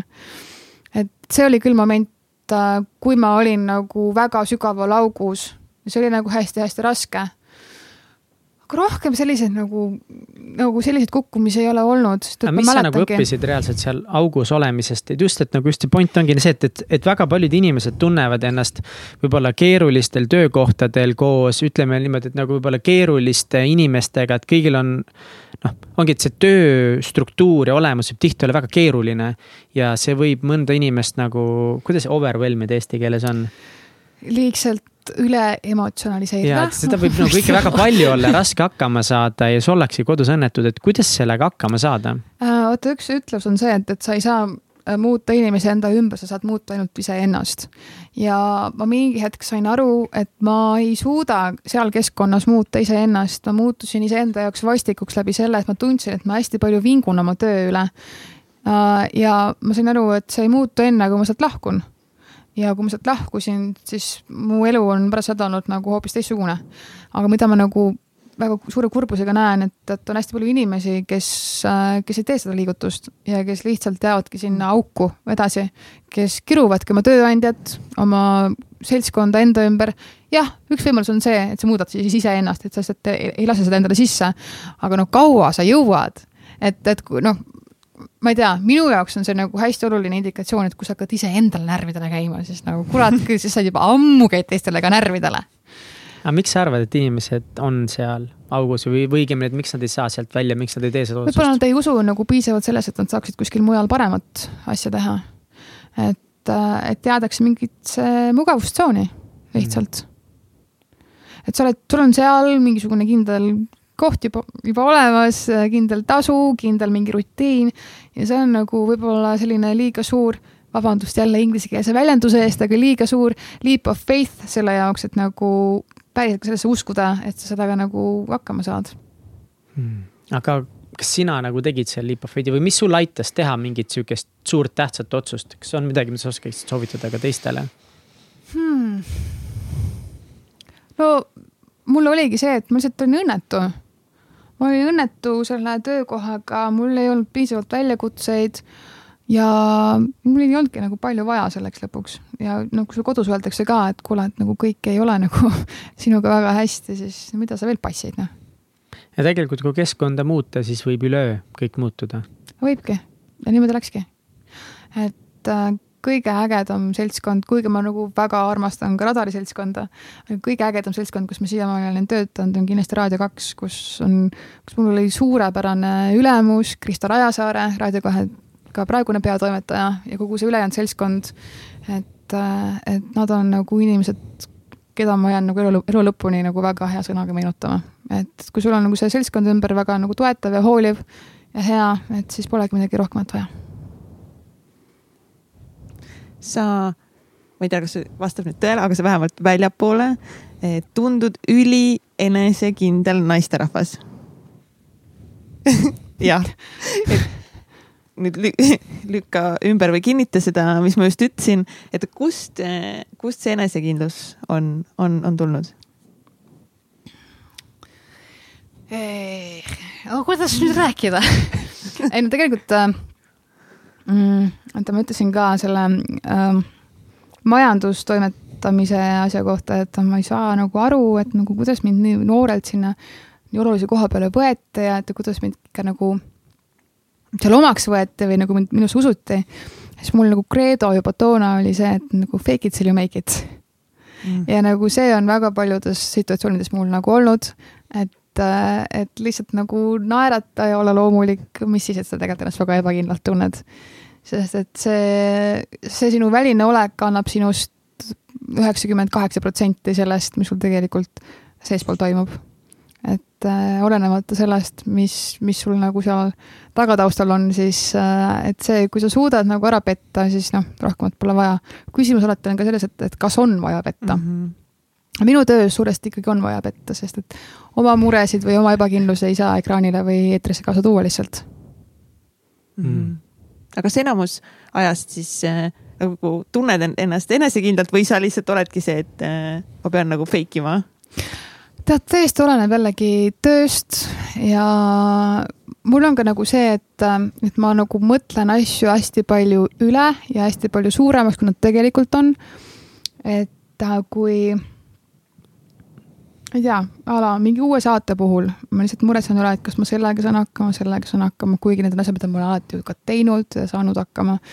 et kui ma juba selle mingi esimese nagu koduvärava nii-öelda olen ära teinud ja siis on juba see, et nagu kuulge, et nagu andke edasi et nagu, et nagu bring it on, et nagu siis tuleb, tuleb, et aga, aga muidu küll, et ma ei saaks öelda, et ma nüüd ilge suure päris enesekindlusega igale poole peale lähen. et et see ikkagi tuleb nagu mingi teatava vilumusega, et mul on nagu kartus mingisuguste uute situatsioonide või siis nagu asjade ees, mida ma ei ole nagu enne läbi teinud, et kui ma olen selle ühe korra läbi teinud, siis juba läheb paremaks. et nüüd ka näiteks äh, maailma kõige populaarsem telesaade Kuldvillak et, et, et muidugi näiteks nagu ka selle saate tegemise ees oli hästi suured mingisugused enda kartused peas, sest et seal sa pead mingisugusest ka jällegi kindlatest asjadest kinni pidama, millest ma ka enne rääkisin, et ma ei suuda näiteks, kui ma olin nagu AK-s, et mingid kindlad laused või sa pead olema selles nagu skriptis kinni. väga raamis tegelikult et kui see on formaadisaade, siis sul mingid kindlad asjad, mida sa pead ütlema, aga siis nagu sa ei tea, kui, kui läheb kaamera läheb käima salvestus peale, et kas sa tegelikult ka seda nagu ütled, et siis on see närv väga suur sees. aga kui juba esimene saade oli tehtud, siis ülejäänud läksid juba ludinal. mis olid alguses kõige suuremad väljakutsed Kuldviljakute ees? Äh, see raamistik endale nagu selgeks saada, et mis koha peal, mida sa pead nagu ütlema, mis on nagu kindel asi, mis on formaadis sees. et eks ma pidin ka seda lihtsalt nagu enda jaoks nagu läbi töötama, et, äh, et noh, eks mind ka võrdlemisi nagu tundmatuskohas ju lükati vette. et ähm, ega mingisugust väga proovi kui sellist ei jõudnud ka korralikult enne seda võtet teha, nii et, äh, et siis lihtsalt pidid minema nagu enda enesekindluse pealt ja naeratama ja olema loomulik, nii nagu siseproovid alati olla nagu noh. Et see on küll üks saade, mis ma võin öelda, mulle väga meeldib, mul on Kuldvillak alati väga meeldinud, see on lihtsalt cool saade. tead, see on nagu hästi huvitav, et see on just kõik inimesed, äh, kes nagu on muidu, et oh, mul ei ole kodus telekat või ma ei vaata telekat. kuule, aga Kuldvillakat olen ma alati vaadanud, et noh, see on minu arust ka nagu väga. kunagi vaadanud, aga kui ma olen seda juhuslikult kuskilt näinud, siis ma, that's cool aga ma ei ole ise vist mitte nagu kunagi spetsiaalselt vaadanud Kuldvillakut.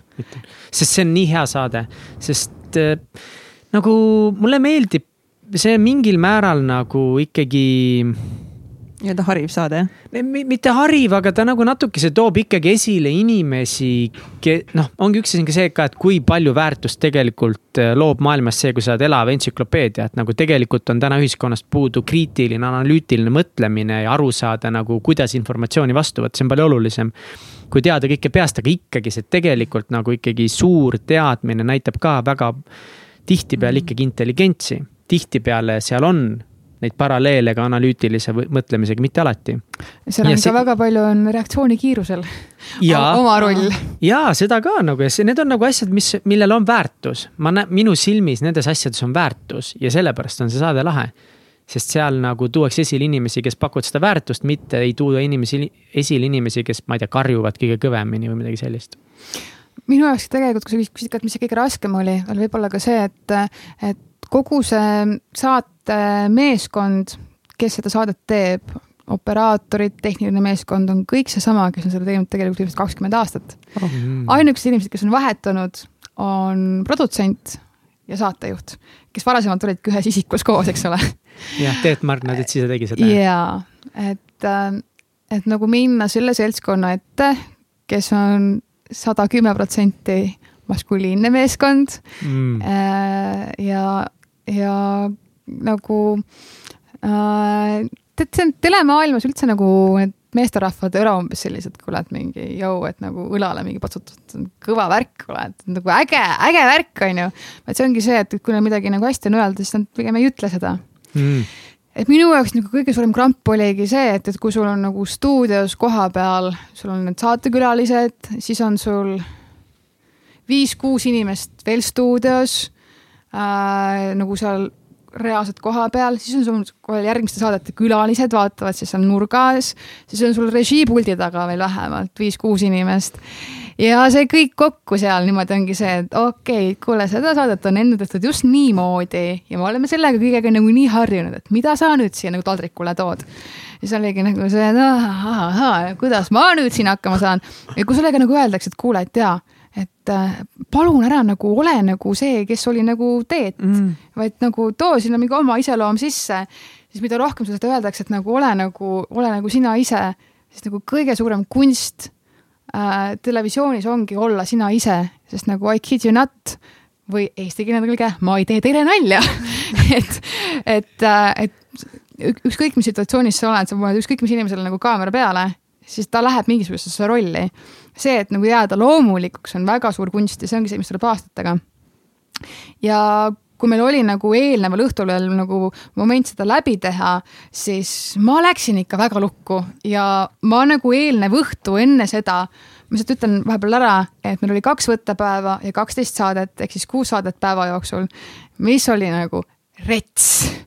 nii et nagu eelneval õhtul, kui me saame ühe korra selle asja nagu läbi teha. ja palun korda seda, et me kõik saaksime aru mitu võttepäeva ja mitu saadet? meil oli kaks võttepäeva, mille jooksul oli kaksteist saadet ehk siis kuus saadet päevas, mis oli rets äh, et, äh, et see eelmisel õhtul veel, kui ma nagu tundsin seda, et nagu kui me seda läbi proovisime, mina siis eh, noh, saatejuhina, siis mul oli elukaaslane sinna kaasa võetud, kes mängis eh, ühte saatekülalist, siis meil oli produtsent seal, siis meil oli kanali äh, programmijuht Kaspar Kaljas seal koos oma naisega, kes kõik mängisid siis nagu neid külalisi. me proovisime neid küsimusi seal läbi ja siis mina mingisuguseid oma vahespiike ja nagu ma tundsin ennast nagu viimase lohina lihtsalt, reaalselt, sest et ma tundsin, et mul on nagu nii pastakas tagumikus kinni, et ma ei suuda ennast vabaks lasta, ma tundsin, et ma hakkan kuidagi esinema või kuidagi nagu nii ebamugav või nagu nii raske on olla seal. eriti, lõpuks ma mõtlesin ka, et tegelikult äkki see on sellepärast, et noh, come on, kui sul on enda mees kurat seal publiku seas, siis sa ei tunnegi ennast nagu vabalt või sa ei tee nagu sellist nagu oma vaba olekut ja sul on nagu kõik need kõige olulisemad inimesed selle saate juures on seal nagu kõrval, kes mängivad seal neid saatekülalisi, siis see oli nagu raske lihtsalt ma tunneks, et ka see vastutus mõnes mõttes, see on nii noh, vana ja armastatud saade ja Teet Margna ikkagi. et need ei ole lihtsad sussid, mida täita, teistpidi sa oled nagu blond naisterahvas mitte Teet Margna onju. tead, sellega ma olen nagunii, see käib minu saate või noh, minu nagu elukutse juurde, ma tean, et, et tulevad nagunii need inimesed, kes mind vihkavad, tulevad need, kes mitte kunagi seda saadet ei vaata, sest enne ikkagi tegi seda Teet Margna. et ma ei ole Teet Margna, oh my god, need sussid on nii suured, et sinna mitte kunagi seda ära ei mahu. Need kõik tulevad ju nagunii. aga mis ma sinna teha saan? Sorry, ma ei ole Teet Margna, ma olen Eva Esse täpselt. ja ma tegin seda nii hästi lõpus, kui ma seda teha oskasin ja noh, nüüd on need kaks päeva kahte saadet tehtud. et äh, tuli see nii hästi või halvasti, pigem hästi välja, seda te näete juba teleekraanilt, et, äh, et see oli tegelikult väljakutse ja ma ütlen ausalt, et ma põdesin äh, väga palju ja juba selles mõttes, et muidu ei nagu ei muretse mingisuguste avalike esinemiste ees või või sellepärast, et nagu kuidas sul mingi saade või võte tuleb.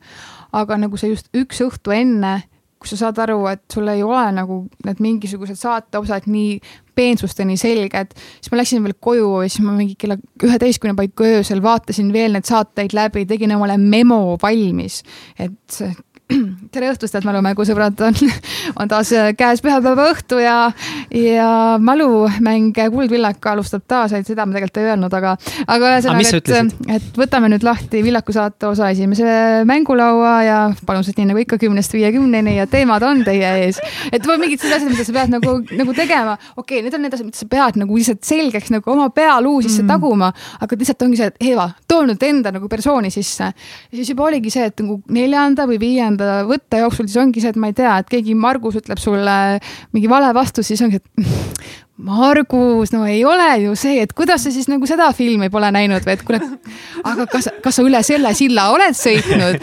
ahaa, et sa oled suur motikate fänn, kuule, et kas sinu motika külge käib ka see, see nagu külgkorv, et äkki lähme kunagi koos nagu sõitma, et sa, sa pead mingisugust sellist nagu enda feeling'it sinna mm -hmm. juurde panema. ja kui ma lõpuks sain ka tagasisidet, et kogu see seltskond, kes on nagu teinud seda saadet nagu aastast aastasse, mingid oh my god, teeb seda nagu päris hästi, et nagu vau wow. ja siis, kui sa kuuled seda, siis on see, et okei okay,, tegelikult vist läks nagu päris hästi, thanks noh. et, et siis oligi nagu see, et sa saad aru, et kogu see, ma ei tea, minu nagu elutsüklid või kõik need asjad käivadki niimoodi, et ma nagu ilgelt põen, ma nagu ilgelt põen ja muretsen mingid asjad üle. aga ma arvan, et nagu selleks, et seda asja nagu päriselt ka hästi ära teha ma peangi nagu põdema ja muretsema seda magamata öö efekti nagu saavutama, sest muidu nagu tuleb sihuke mm, nagu sihuke, ma ei tea, lihtsalt niisama torust nagu pritsid midagi, et. et selleks, et nagu päriselt ka endale jalaga tagumikku anda, sa peadki muretsema ja, ja, ja põdema. sest muidu, kui sa oled selline nagu tuim tükk, siis ei tulegi midagi. kas sa kodus, kas ise ka vaatad enda, enda saateid järgi äh,? kui ma nüüd päris ausalt ütlen, siis ma näiteks uudishimu tippkeskuse teist hooaega pole mitte ühtegi osa vaadanud äh,. ehk siis nagu pigem nagu, pigem nagu mitte vist aga ma arvan, et ma seda nagu kuldvillakut tahan küll, sest ma, ma ütlen nagu päris ausalt. Ja nüüd, kui on need mingid kurjad kommenteerijad, kes nagu kirjutavad nagu igasuguseid toredaid kommentaare, mida ma tõesti oma rumaluses olen lugenud, siis eh, mis puudutab seda teadussaadet, siis ei, mina ei ole montaaži juures kohal ja ei, mina ei ütle, et pange nüüd need ülisuured plaanid nüüd minust sinna sisse, näidake nüüd hästi palju mind. et eh, mina nagu ei ole see, kes ütleb nagu, kuidas see režii lihtsalt välja näeb. et, eh, et see, et selles saates mind nagu nii ülipalju eksponeeritakse, tekitab ka mulle endale nagu hästi suure mingisuguse eba meeldivuse tunde ähm,. ma arvan, mille pärast ma seda lihtsalt ei suutnudki vaadata, sellepärast et see, äh, et kui on intervjuu ja sellest intervjuust viiskümmend protsenti näidatakse minu ülisuurt plaani nagu mitte lihtsalt nagu siit kõrvalt, vaid nagu siit kõrvalt. mul on endal seda halb vaadata, mul on seda endal kuradi halb vaadata. ja, ja siis, kui selle peale tulevadki mingisugused tänitajad, et oh my god, kui heal arvamusel ta endast on, see on see, et nagu ei, ma ei tahagi ennast niimoodi näha. aga sa tõid tegelikult meid väga huvitava teemani, heiterid ehm, ja, ja paljud saatekülalised, kes meil siin käinud on, on öelnud, et et need võib-olla need esimesed kontaktid või kui nad esimest korda said korraliku heiti ja nad ikkagi läksid sinna kommentaariumisse süvitsi sisse, mida nad teadsid, nad ei teha, et, et tegelikult oli raske nagu seda vastu võtta, et. kuidas sina oled nagu, kuidas sa alguses heiteritega hakkama said ja mida sa tänaseks õppinud oled? No ükskõik, kes selleks ka ei ole, siis kui nad ütlevad, et, nad ei vaata kommentaare, siis ma tegelikult usun, et nad ikkagi vaatavad moel või teisel ikkagi neid kommentaare ja need lähevad hinge. aga ma ei tea, pigem on nagu naljakas pigem tegelikult on naljakas, sest et ma nagu halloo, kui sa kirjutad minu kohta nagu asju, millest sa tegelikult mitte midagi ei tea pidades mind ajukääbikuks, koledaks, paksuks, äh, ma ei tea, paks minu kohta on üldse natuke liiga palju vist öeldud. et, äh, et kui ma seda, seda nagu loen, siis ma saan aru, et sa oled lihtsalt nagu üks hästi kurb inimene ja sul on nagu nii palju aega, et sa võtad selle aja ja sa kirjutad mingisuguse heit kommentaari minu kohta aga noh, muidugi, kui ma seda loen, siis nagu halloo, iga inimene, kes enda mm. kohta sellist nagu jama loeb, see on ju halb tunne uh,. millegipärast ma endiselt loen neid kommentaare aeg-ajalt ja mille pärast ma olen saanud ka pahandada uh, mitmelt inimeselt, et miks sa seda teed. aga noh, ma ei tea, seda nagu kõike kompenseerivad nagu sellised hoopis teistsugused momendid. näiteks eile mis oli nagu nii vahva. ma just enne rääkisin, et ma käisin eile sõpradega Laulasmaal maal, eks ole, tulen päeval tagasi mingi täiesti sassis juustega, ära magatud näoga. Noh, natuke sihuke pühapäevane väsimus ka peal, läksin oma kodupoodi Balti jaama Turu Selverisse, ostsin sealt kaks pakki äh, neid meigi eemaldustupsukesi, siis nagu vait oli otsa saanud, siis ma nagu tössa, tössa, tössa läksin sealt eskalaatoriga üles, mul oli mingisugune pakk tulnud Balti jaama äh, Omnivasse, siis jään nagu üleval seal ukse juures nagu meest ootama. siis tuleb mingisugune meesterahvas mu juurde. oi, tere, Eeva, kuule, kas ma saaksin palun autogrammi? siis mul ongi okei okay., siis ma need kuradi kaks, äh, need, äh, need äh, noh vatitupsu pakki panen sinna kuskile counteri peale või leti peale või muud asjad panen ka sinna leti peale, siis ta võtab nagu välja oma rahakotist, võtab ühe tšeki ütleb, et ma väga vabandan, et mul pole muud asja praegu võtta, aga mul on siin üks tšekk, kuhu just enne andis Arvo Pärt oma autogrammi. aga nagu äkki sa saad ikkagi siia juurde panna, et ma olen nii suur fänn ja et nagu ma nagu tõesti nagu sa teed nii head ja õiget asja, et äkki sa ikkagi, äkki mahub siia juurde ära. Nagu, halloo sa küsid nagu tšeki peale, kuhu on just nagu Pii Arvo Pärt pannud oma autogrammi no hea küll, ma siis leian selle ruumi ja siis, ja siis nagu ma nagu päriselt kandsin selle autogrammi ära ja siis lähen välja ja siis mingisugune vana proua, kes istub seal Balti jaama juures, noh, ma ikkagi tuletan meelde seda konteksti. ma olen sihuke tössa-tössa väsinud oma kahe paki need ähm, Vaidi tupsukestega kõnnin seal ringi, siis tuleb, oi Eeva, nii tore, ma soovin sulle lihtsalt palju edu ja jaksu. et noh, siis sa saad aru, et noh, päris inimesed on nagu päris inimesed, et see, kes sa kuskil mulle mm. kirjutad mingisugust asja, ma eriti armastan seda, ma mäletan, kui ma selle Vaasa lopet ära tegin ja kui keegi kirjutas sinna kuskil kommentaariumisse, et issand jumal, Vaasa lopet kaksteist tundi, üheksakümmend kilomeetrit kaksteist tundi. ma kõnnin ka kiiremini kui nagu üheksakümmend kaksteist tundi. mul on see, et oh my god tüüp, aga palun, aga palun, mine kõnni kiiremini kaksteist kilomeetrit selle külmaga, sellistes tingimustes, sellisel kuradi äh, noh, nõlvade alal. et palun, palun, palun mine tee ja siis räägime uuesti. et ma saan aru, et see ei saa tulla nagu õigest kohast, et noh. ja sinna juurde veel ka see alatekst, et aga sa ei saagi kõigile alati meeldida. muidugi ei saa ja mm. mulle ka ju kõik inimesed ei meeldi, see on täiesti normaalne. aga huvitaval kombel ma lihtsalt ei leia seda aega, et minna ja ennast kuskil välja elada. ma ei tea, miks, äkki, äkki peaks, aga ma arvan, et mitte mm. jah, aga miks sa nagu ikkagi lähed aeg-ajalt neid kommentaare lugema? Kuule, tead, tegelikult on nagu päris põnev, et kui sa näed, et sinu, sinu kohta on mingisugune asi kirjutatud ja see on inimesed nagu nii pööraseks ajanud, et seal on mingisugune kuuskümmend kuni sada kommentaari juba all, siis mõtled, et au, au, kas ma lähen inimestele siis tõesti nii korda või? äkki nad kirjutavad. oh my god, issand, kui äge see ikka on. sa ütled, okei okay,, et äkki saab mingit, võib-olla mingisugust nagu egopaitust või midagi, siis sa loed sealt, et oi kui nõme ja mitte kunagi enam ei vaata, issand, kuhu see kõik nagu ronib ja blablabla bla, bla. aga siis ongi nagu see, et noh, natukene, ma olen muidugi vanematele öelnud ka, palun lihtsalt ärge minge lugema. Sest et see on nagu, vot seda, vot noh, minu vanemad on mu kõige suuremad fännid, ükskõik, kui ma võtaksin näiteks oma ema, ema iPad'i, läheksin nagu Safarisse sisse ja Safaris on nagu reaalselt otsingus Eva esse ja siis nagu ta vaatab kogu aeg nagu refresh ib, et mida uut kirjutatakse, mul see, et nagu, et okei okay. no.. aga kas tal on raske see lugeda vahepeal mingeid asju sinu kohta ah.? sest seda on tegelikult paar teist inimest ka öelnud, et, et neil endal on suva, et nad on juba nagu, nad on üle sellest saanud. Nad on juba targemad ja nüüd enam ei tee liiga, aga et nad on mures oma vanemate pärast, kes loevad neid asju või vanavanemate pärast. no kahjuks mul enam vanavanemaid ei ole, nad olid mu kõige suuremad fännid, eriti mu hiljuti lahkunud vanaisa aga ta õnneks või kahjuks väga internetis surfata niimoodi ei osanud. ma arvan, et mu vanemad on ka piisavalt targad, et nad saavad aru, et selle taga, selle, selle jama taga, mis kirjutatakse, ei ole ju mitte mingisugust tõde. Äh, eks ma ise, ma ei tea, sorry, kui ma loen, et oh my god, jälle see Essu Eva kuskil nagu toimetab, et nagunii see kanal toodabki ainult Essu, et nagu Essu Eva peabki olema, siis mul, sorry, nagu selle üle ma küll naeran, et see on nagu nii tore, et saada mingi interneti trollide seas mingisuguse Essu Eva nagu tiitel nagu andke, tuld, no jumala eest, see on tore, et ma kuradi teie, teie päeva nii hästi suudan sisustada. aga kuidas on nüüd see avalikkuse tähelepanu all olla või see, et inimesed teavad, kes sa, kes sa oled ja nad teavad su nägu ja su tegemisi.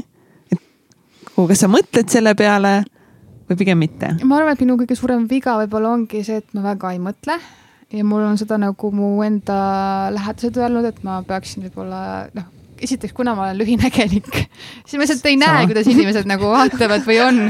siis ongi see, et sihuke, et nagu noh, ignorance is a place, eks ole, et ma siis lihtsalt nagu olen ja nagu elan oma elu.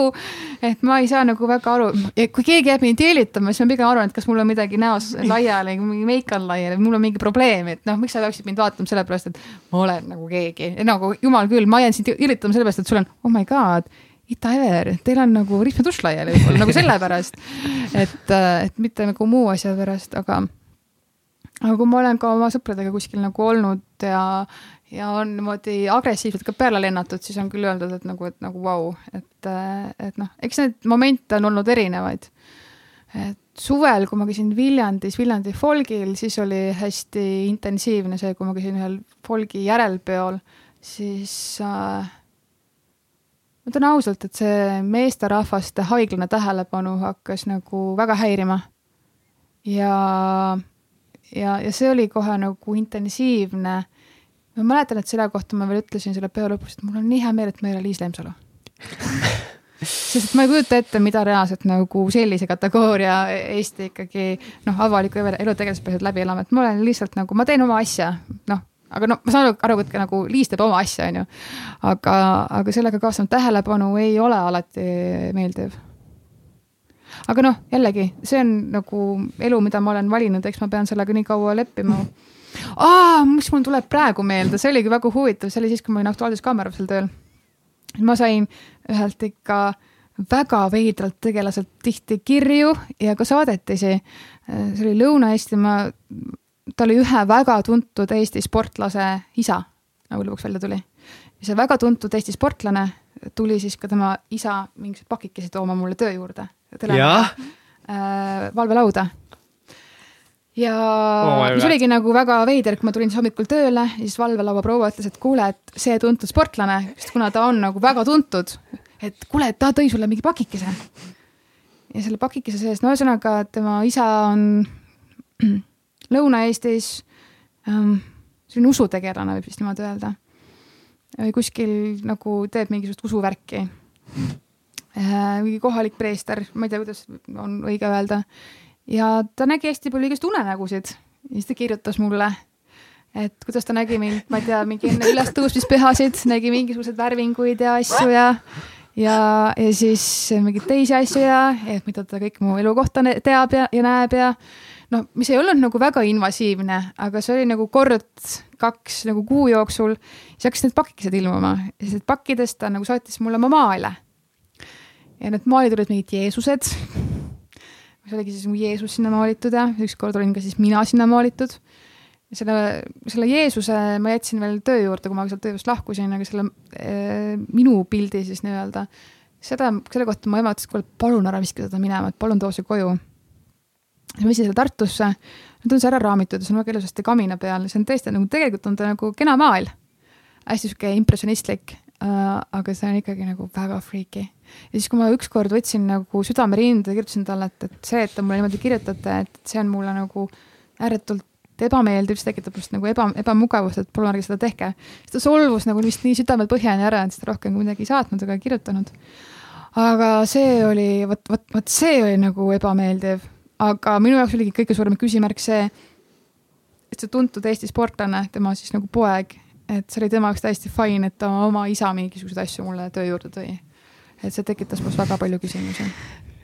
Things are getting weird see on ja, tõesti. see, see võib olla nagu hirmuäratav küll, jah. no see on väga creepy see võib olla väga creepy. see on see... väga creepy aga see on nagu põnev, samas, et see maal on nüüd kuskil seal kaminas nimsil, nii et kui see härrasmees seda kuuleb, siis jumal teab, mitu uut maali sealt tuleb. aga tead, mis aeg nüüd on? Kas ma võin ennem korra? ei, ma ei luba kuule.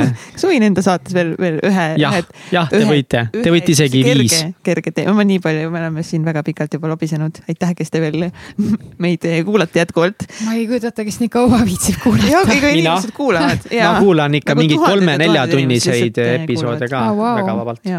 nii et äh, proovime veel lõppu siia väärtust inimestele natuke anda, et äh, naisterahvastele just, et, et kuidas jäädagi kõiges selles sinu valdkonnas, aga üleüldse naised, et jäädagi nagu iseendaks ja mitte võib-olla pööratagi tähelepanu, tähelepanu sellele, et mida teevad influencer'id või mis on mingid trendid ja julged olla ja elada nagu seda elu, mida sa ise päriselt tahad elada? ma arvan, et see kindlasti ei teki üleöö, see, et sa nagu teed seda enda asja, sest et ma usun, et kui ma vaatan nüüd tagasi mm, kümme aastat, ka isegi natukene vähem, siis äh, ma kindlasti olin väga kammitsetud selles, et milline on keegi teine või kuidas arvab keegi teine minust. ja et ma pean kuhugi veel jõudma, midagi saavutama, aga ma ütlen päris siiralt, et ma olen praegu oma elus jõudnud sellisesse faasi, et ma olen lihtsalt rahul sellega, milline ma olen ja ma ei tee iseendale mingisuguseid ettekirjutusi, et, et sa peaksid tegema seda, teist või kolmandat kuidagi teistmoodi või olema kellegi järgi. et ma lihtsalt teengi seda, mida ma teen ja olen selline, nagu ma olen. aga noh seda on nagu hästi raske öelda, et nagu kui praegu keegi kuuleb, kes on vanuses seitseteist kuni kakskümmend kaks, et seda praegu öelda neile on nagu natukene silmakirjalik, sest et ma tean, milline ma olin siis. Püüdsin olla ka keegi teine, püüda kuhugile kaugemale, olnud üldse rahul sellega, kus ma praegu olen. et see lihtsalt tulebki ajaga, see lihtsalt tuleb ajaga. Mm. Ja ma arvan, et, et kui ma olen äh, kuue aasta pärast kolmkümmend viis, siis äh, kindlasti mõtlen, et oh my god, kahekümne üheksasena sa ei teadnud mitte midagi sa olid ka nii ebakindel ja nagu muretsesid nii X asja pärast, et, et ma ei tea, elu on üks ilus protsess, mida tuleb nagu läbi elada, kõik need raskused viivad meid sinna edasi, mis on järgmine päev. et kui sul ei ole neid raskeid hetki, siis sa ei oska hinnata seda, mis sul on praegu ja kuna mul siin viimase paari aasta jooksul on olnud nagu nagu selliseid momente, et ma olin tõesti ikka väga äh, nina oli muda sees maas ja pidin lihtsalt pead püsti hoidma, et nagu mitte kogu nägu sinna mutta ei vajuks. et siis ma lihtsalt praegu oskan hinnata inimesi äh,, oma tööd ja, ja nagu momente iseenda ümber. et me peame nagu ikka väga valusalt kukkuma vahepeal selle jaoks, et aru saada, et kurat, kõik on ikka väga hästi. elu on ilus protsess, see oli nii hästi öeldud väga hästi öeldud, aga millest sa praegu unistad? kuule, praegu ma unistan vist küll puhkusest natukene. Et äh, äh, ma lähen septembri lõpus äh, oma ristilapsega ei, ma ise ei ole ristitud, aga mul on ristilaps, mul on ristilaps nimega Admiral Bellingshausen, mis on üks äh, jaht, mis on polaarjaht, millega tehakse praegu Antarktika kakssada äh, ekspeditsiooni. mu isa läks sinna. päriselt? kas ta praegu on selle peal? Et või ta vist läheb, ta ühineb minu meelest seal mingis, ta ei, nagu ei tee kogu seda, ta läheb, ühineb mingis lõpus või, või mingi, mingis Aa. osas, ma tean, et ta veel ei ole igatahes. no vot, mitte keegi ei tee seda täisosa ka, sest et see on nagu liiga karm inimorganismile, aga ma lähen sinnasamasse, ma väga loodan, et äkki ma saan sinuga isaga äkki koos olla. Äh, ma lähen Lissabonist, Lissabon, Madeira, Tenerife, et ma teen selle otsa sealt kaasa ja, ja siis ma võtsin endale veel paar päeva Tenerifel, et ma lihtsalt olen üksinda ja lähen natukene akusid et seda momenti ma ootan korra küsin siin vahele ka, et, et sina usud ka, et üksinda reisida aeg-ajalt on väga okei okay või üksinda kuskil olla äh,? ma tegin seda eelmine aasta esimest korda äh,, olin kaks nädalat Lõuna-Euroopas. mis mees arvas äh,? mees arvas väga hästi, too moment äh, ei äh,, äh, ta ei saanud too hetk kaasa tulla. aga tead, see üksinda reisimine on väga virgastav ja see on üks mu ägedamaid momente üleüldse. et tead, üleüldse see, et kui sa jõuad selle momendini, et sa saad aru, et tegelikult üksinda nagu olla on täiesti fine ja kurat, et sa oled ikka päris nagu äge. üksinda, kurat, see on nagu äge, sa lihtsalt nagu driftid ringi kuskil X linnas, kuskil äh, Lõuna-Euroopas, mõtled oma mõtteid, naeratad inimestele, käid poest poodi, sa ei pea mitte kellegagi suhtlema, võib-olla mingisugused äh, tšau-bellad käivad kuskil sealt, aga, aga sa lihtsalt nagu elad oma elu oh,. ja mis on kõige, vot see oli üks ürmoment. ma olin Nitsas ja ma tahtsin, mul oli valida, kas ma lähen nüüd üheks päevaks, kas ma lähen Nitsast, lähen Monacosse või ma lähen Nitsast äh, Cannes'i mulle öeldi, et kuule, et Monaco on sihuke, et nagu pole nagu midagi väga teha, et Cannes'is on tead, sul on hea rand. ja ma olin veits nagu selline, et ma ei, et kuna Nitsas on selline kivine rand, siis ma läheksin pigem Cannes'i, ma oleksin päevarannas ja ma ütlen ausalt, Euroopa kõige ilusam linnarand, täiesti pärlselge vesi, ilus rand äh,, ilus liiv. ja siis ma olin äh, rongijaamas, ma jäin rongist maha ja ma olin oi kui pahane. ma olin oi kui pahane, läksin nagu vale perrooni peale, jooksin sealt ja siis mõtlesin, et okei okay,, mul on nüüd poolteist tundi aega, et selle järgmise rongi peale. siis ma lihtsalt viskasin, mul oli sihuke päevitusmatt kaasas, viskasin sinna perrooni peale ennast pikali. olen, olen, olen, olen seal nagu kuulasin, mis klappides mingit mussi ka, mingid klapid ära. siis ma kuulen nagu teispool perrooni enda nime keset Lõuna-Prantsusmaad enda nime kuulda. okei okay., nii, mis, mis värk nagu on ja siis kuulsingi enda nime ja siis mõtlesin, et tead, te saate sealt nagu sellelt perrooni pealt nagu sealtpoolt mingit sillast üle. tulidki minu juurde üks, üks noor paar kes äh, olid äh, siis seal Nitsas mingisuguse superstaari kontsert, ma ei tea, Beyonce või kellegi kontsert, kuhu nad pidid siis ka nagu minema, tahtsid ka päevaks minna siis nagu sinna Cannes'i, küsisid mu käest, et noh, et kuidas sinna siis nagu saab, siis ma rääkisin, et ma jäin rongist maha ja edasi-tagasi ja. ja siis mõtlesin, et tead, te saate tegelikult kiiremini siit praegu minge bussiga, et ma lihtsalt praegu ootan siit järgmist nagu rongi, et minge bussiga. siis saatsin nad tagasi siis läheb mingi kümme minutit mööda, tulevad tagasi mu juurde. kuule, siis ütleb see naisterahvas, et kuule, et mu mees on nagu ilgelt suur fänn. kas ta võib nagu pilti teha koos? mul on nagu, et aa, okei okay,, davai. see on nagu keset kuradi Lõuna-Prantsusmaa nagu selline moment, sa saad küll aru, et maailm on ikka nii väike.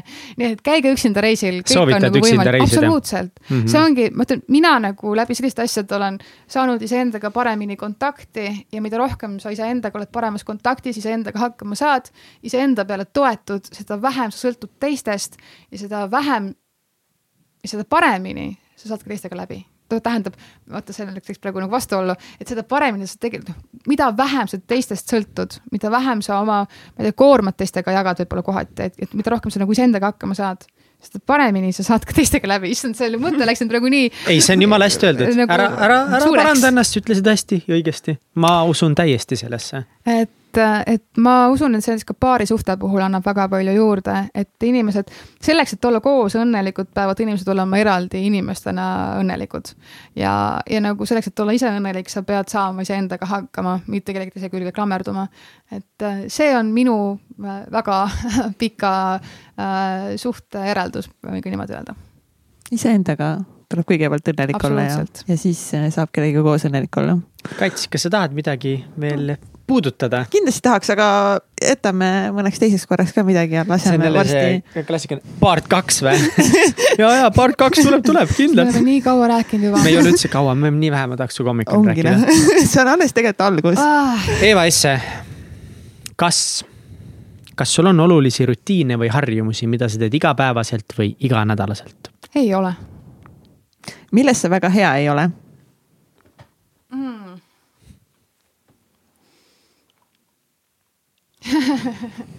milles ma üldse väga hea olen. oota, milles ma väga hea ei ole uh,?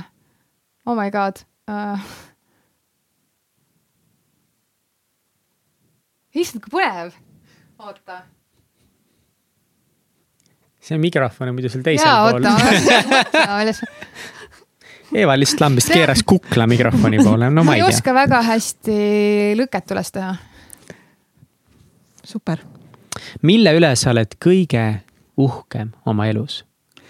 selle üle, et mul on väga ägedad, toetavad vanemad ja mul on suurepärane elukaaslane.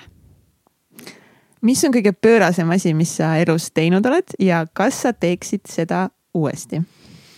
Äh, no ma arvan, et kõige lihtsam vastus on, et minu kõige liht-, äh, pöörasem asi oli Svensk klassikeri läbimine ja ma teen seda praegu uuesti Saksamaal.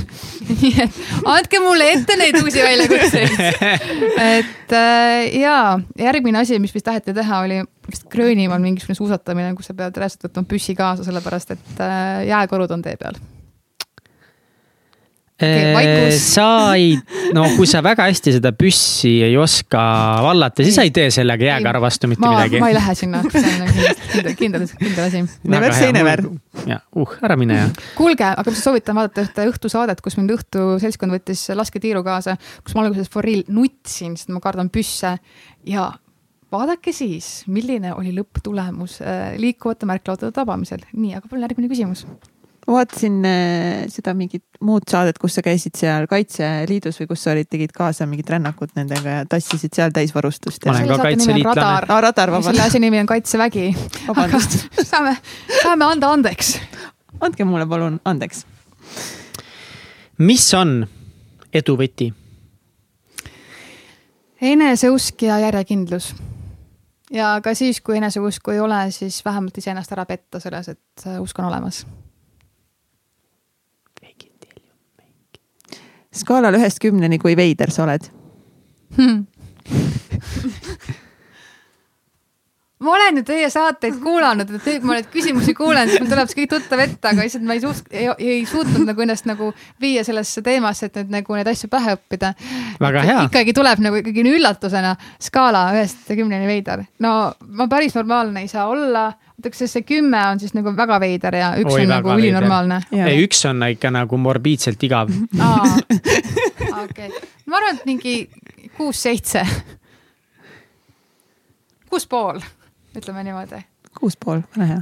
kas ja kui palju sa raamatuid loed äh,? kindlasti võiksin rohkem lugeda, mis tähendab, et pigem nagu vähe, sellepärast et ma tean, see nagu kõlab nagu hästi halvasti, et aa, mul ei ole aega, aga mul for real ei olegi selle jaoks aega. kui mul on aega õhtul iseenda jaoks, siis ma pigem, seda on nii rumal öelda, aga ma pigem vaatan mingisugust Netflixi sarja või dokki, siis ma tahan, ma vajan seda, et ma lülitan oma mõistuse välja et äh, kui ma saaksin lugeda, siis ma loeksin rohkem ja viimane raamat, kindlasti midagi tahab mu käest küsida, on Merike Villardi raamat äh, oi, ma seda nime ei mäleta, aga tema on naine, kes tegi äh, ühel Jaapani saarel suure usurännaku, kõik need templid seal läbi mingi kahesaja päeva jooksul. et see on hästi-hästi inspireeriv Äh, ma olin nagu rohkem lugesin raamatut siis, kui ma olin eelmine aasta Ninali äh, maas ja siis ma lugesin hästi mitmeid äh, olulisi raamatuid, mis aitas nagu iseennast leida, võib-olla kind of eneseabiõpikud mm. -hmm. mille ikkagi peamine, peamine sõnum, äkki sellega ma saan ka siin lõpetada nüüd saate, on see alati, kui sa näitad kellegi poole sõrmega, siis. siis on neid mitu neli sõrme on enda pooles. Mulle meeldib, et sul näitad, et sa näitad ikkagi seda pöialt. oota, mul läks sassi, kolm näitavad nüüd enda eh, poole. ma ei tea, mul ikkagi pöial näitab ka. ühesõnaga alati, kui sa näitad kellegi poole näpuga, siis ülejäänud neile näitab sinu poole. ehk et alati, kui on mingisugused mured, siis näita, siis näita pöialt. aga kellegi suunas. kuulajad seda näeksid. tean, et Mihkel nagunii, ta on kogu aeg sihuke positiivne, ta näitab seda pöialt. tahab laiki panna neist kõigile. et, äh, et ühesõnaga jah, Mihkel kõigile like, et alati otsi seda viga iseendast meil on sulle siin raamatu teemaline kingitus ka oi-oi. noh, kuna sa ütlesid, et sa ikkagi tahaks rohkem lugeda, siis me peame toetama siin seda, et sa rohkem ja, loeksid. meil on siin Million Mindseti poolt, eh, laseme sul valida. seda kindlasti mikrofon hästi kuulda, mis sa räägid ah,. ja, Million Mindseti poolt on siis eh, meile siin paar raamatut, mis sa saad siit valida endale. mõtle, mis muutus, muutus rikkaks, vana hea klassika. müü ise või müüakse sulle ja selline raamat nagu Hoiak sa ütlesid juba alguses, et, äh, et klassika, äh, siis ma lähen selle klassika kasuks ja ähm, ma olen ise väga seda usku, ähm, et mõtlemist muutus, muutes sa muutud ka ise. Et ma mäletan, et vähemalt kümme aastat tagasi ma olin sellest täiesti veendunud, et inimesed ei muutu, inimesed on need, kes nad on ja nende baas jääb samaks. see ei vasta tõele, inimesed muutuvad alati. Hmm kus Nii meie on. kuulajad saavad eh, sinu tegemistel silma peal hoida? inimesed saavad mu tegemistel peal hoida Kanal kahes reedeti kell kakskümmend saates Tõelised kangelased ja pühapäeviti kell üheksateist kolmkümmend saates Kuldvillak kui rääkida sotsiaalmeedia kanalitest, siis eh, väga lihtsa nimega Eeva Esse, Eva on kahe E-ga, head kuulajad. leiab mind ka üles nii Instagramis kui äh, Facebookis kui ka Twitteris, mida ma muidu üsna harva kasutan, aga ei kasuta mingisuguseid huvitavaid värvinimesi, olen täitsa avalikult kättesaadav. Eva Esse, go look it up. jaa. Go look it up. ja mine vaata Kuldvillakut no ma soovitan sul vähe telekat, mine vaata Kuldvillakut. see on päris, ma arvan, et see võib olla värskendav, ma ütlen, et see, ma arvan, et see oli värskendav.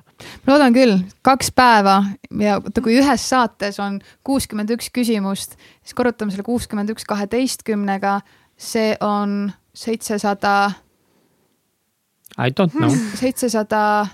kuuskümmend üks. Äh, kak-. korda kaksteist. seitsesada kolmkümmend midagi. seitsesada kolmkümmend kaks nii et seitsesada kolmkümmend kaks küsimust kahe päeva jooksul sain äh, ära esitada ja need nüüd alates siis kaheksandast septembrist kuni novembri lõpuni on eetris ja kui läheb kõik hästi, siis läheb ka edasi. aga kui ei lähe, siis noh, see on elu, mis, mis seal ikka kallid kuulajad, meie täname teid, täiega armastame teid. ka meid Instagramis. Follow ka meid ja ka ja, ja meil on see kümme tuhat äh, follower'i vaja täis saada enne Jaak Roosaaret, nii et äh, ja. kindlalt aitäh kõikidele ja eriti aitäh, suured Eeva. aitäh Eeva Essele, aitäh, et sa andsid selle aja meile. ma tean, et seda ei ole palju meil, nii et ma nii, nii, nii väga väärtustan seda. see on kõige jah. suurem vara, mida kellelegi anda, aitäh sulle, Eeva. aitäh kutsumast ja soovin kõikidele ilusat sügist ja hingerahu oh, tšau okay,. tšau.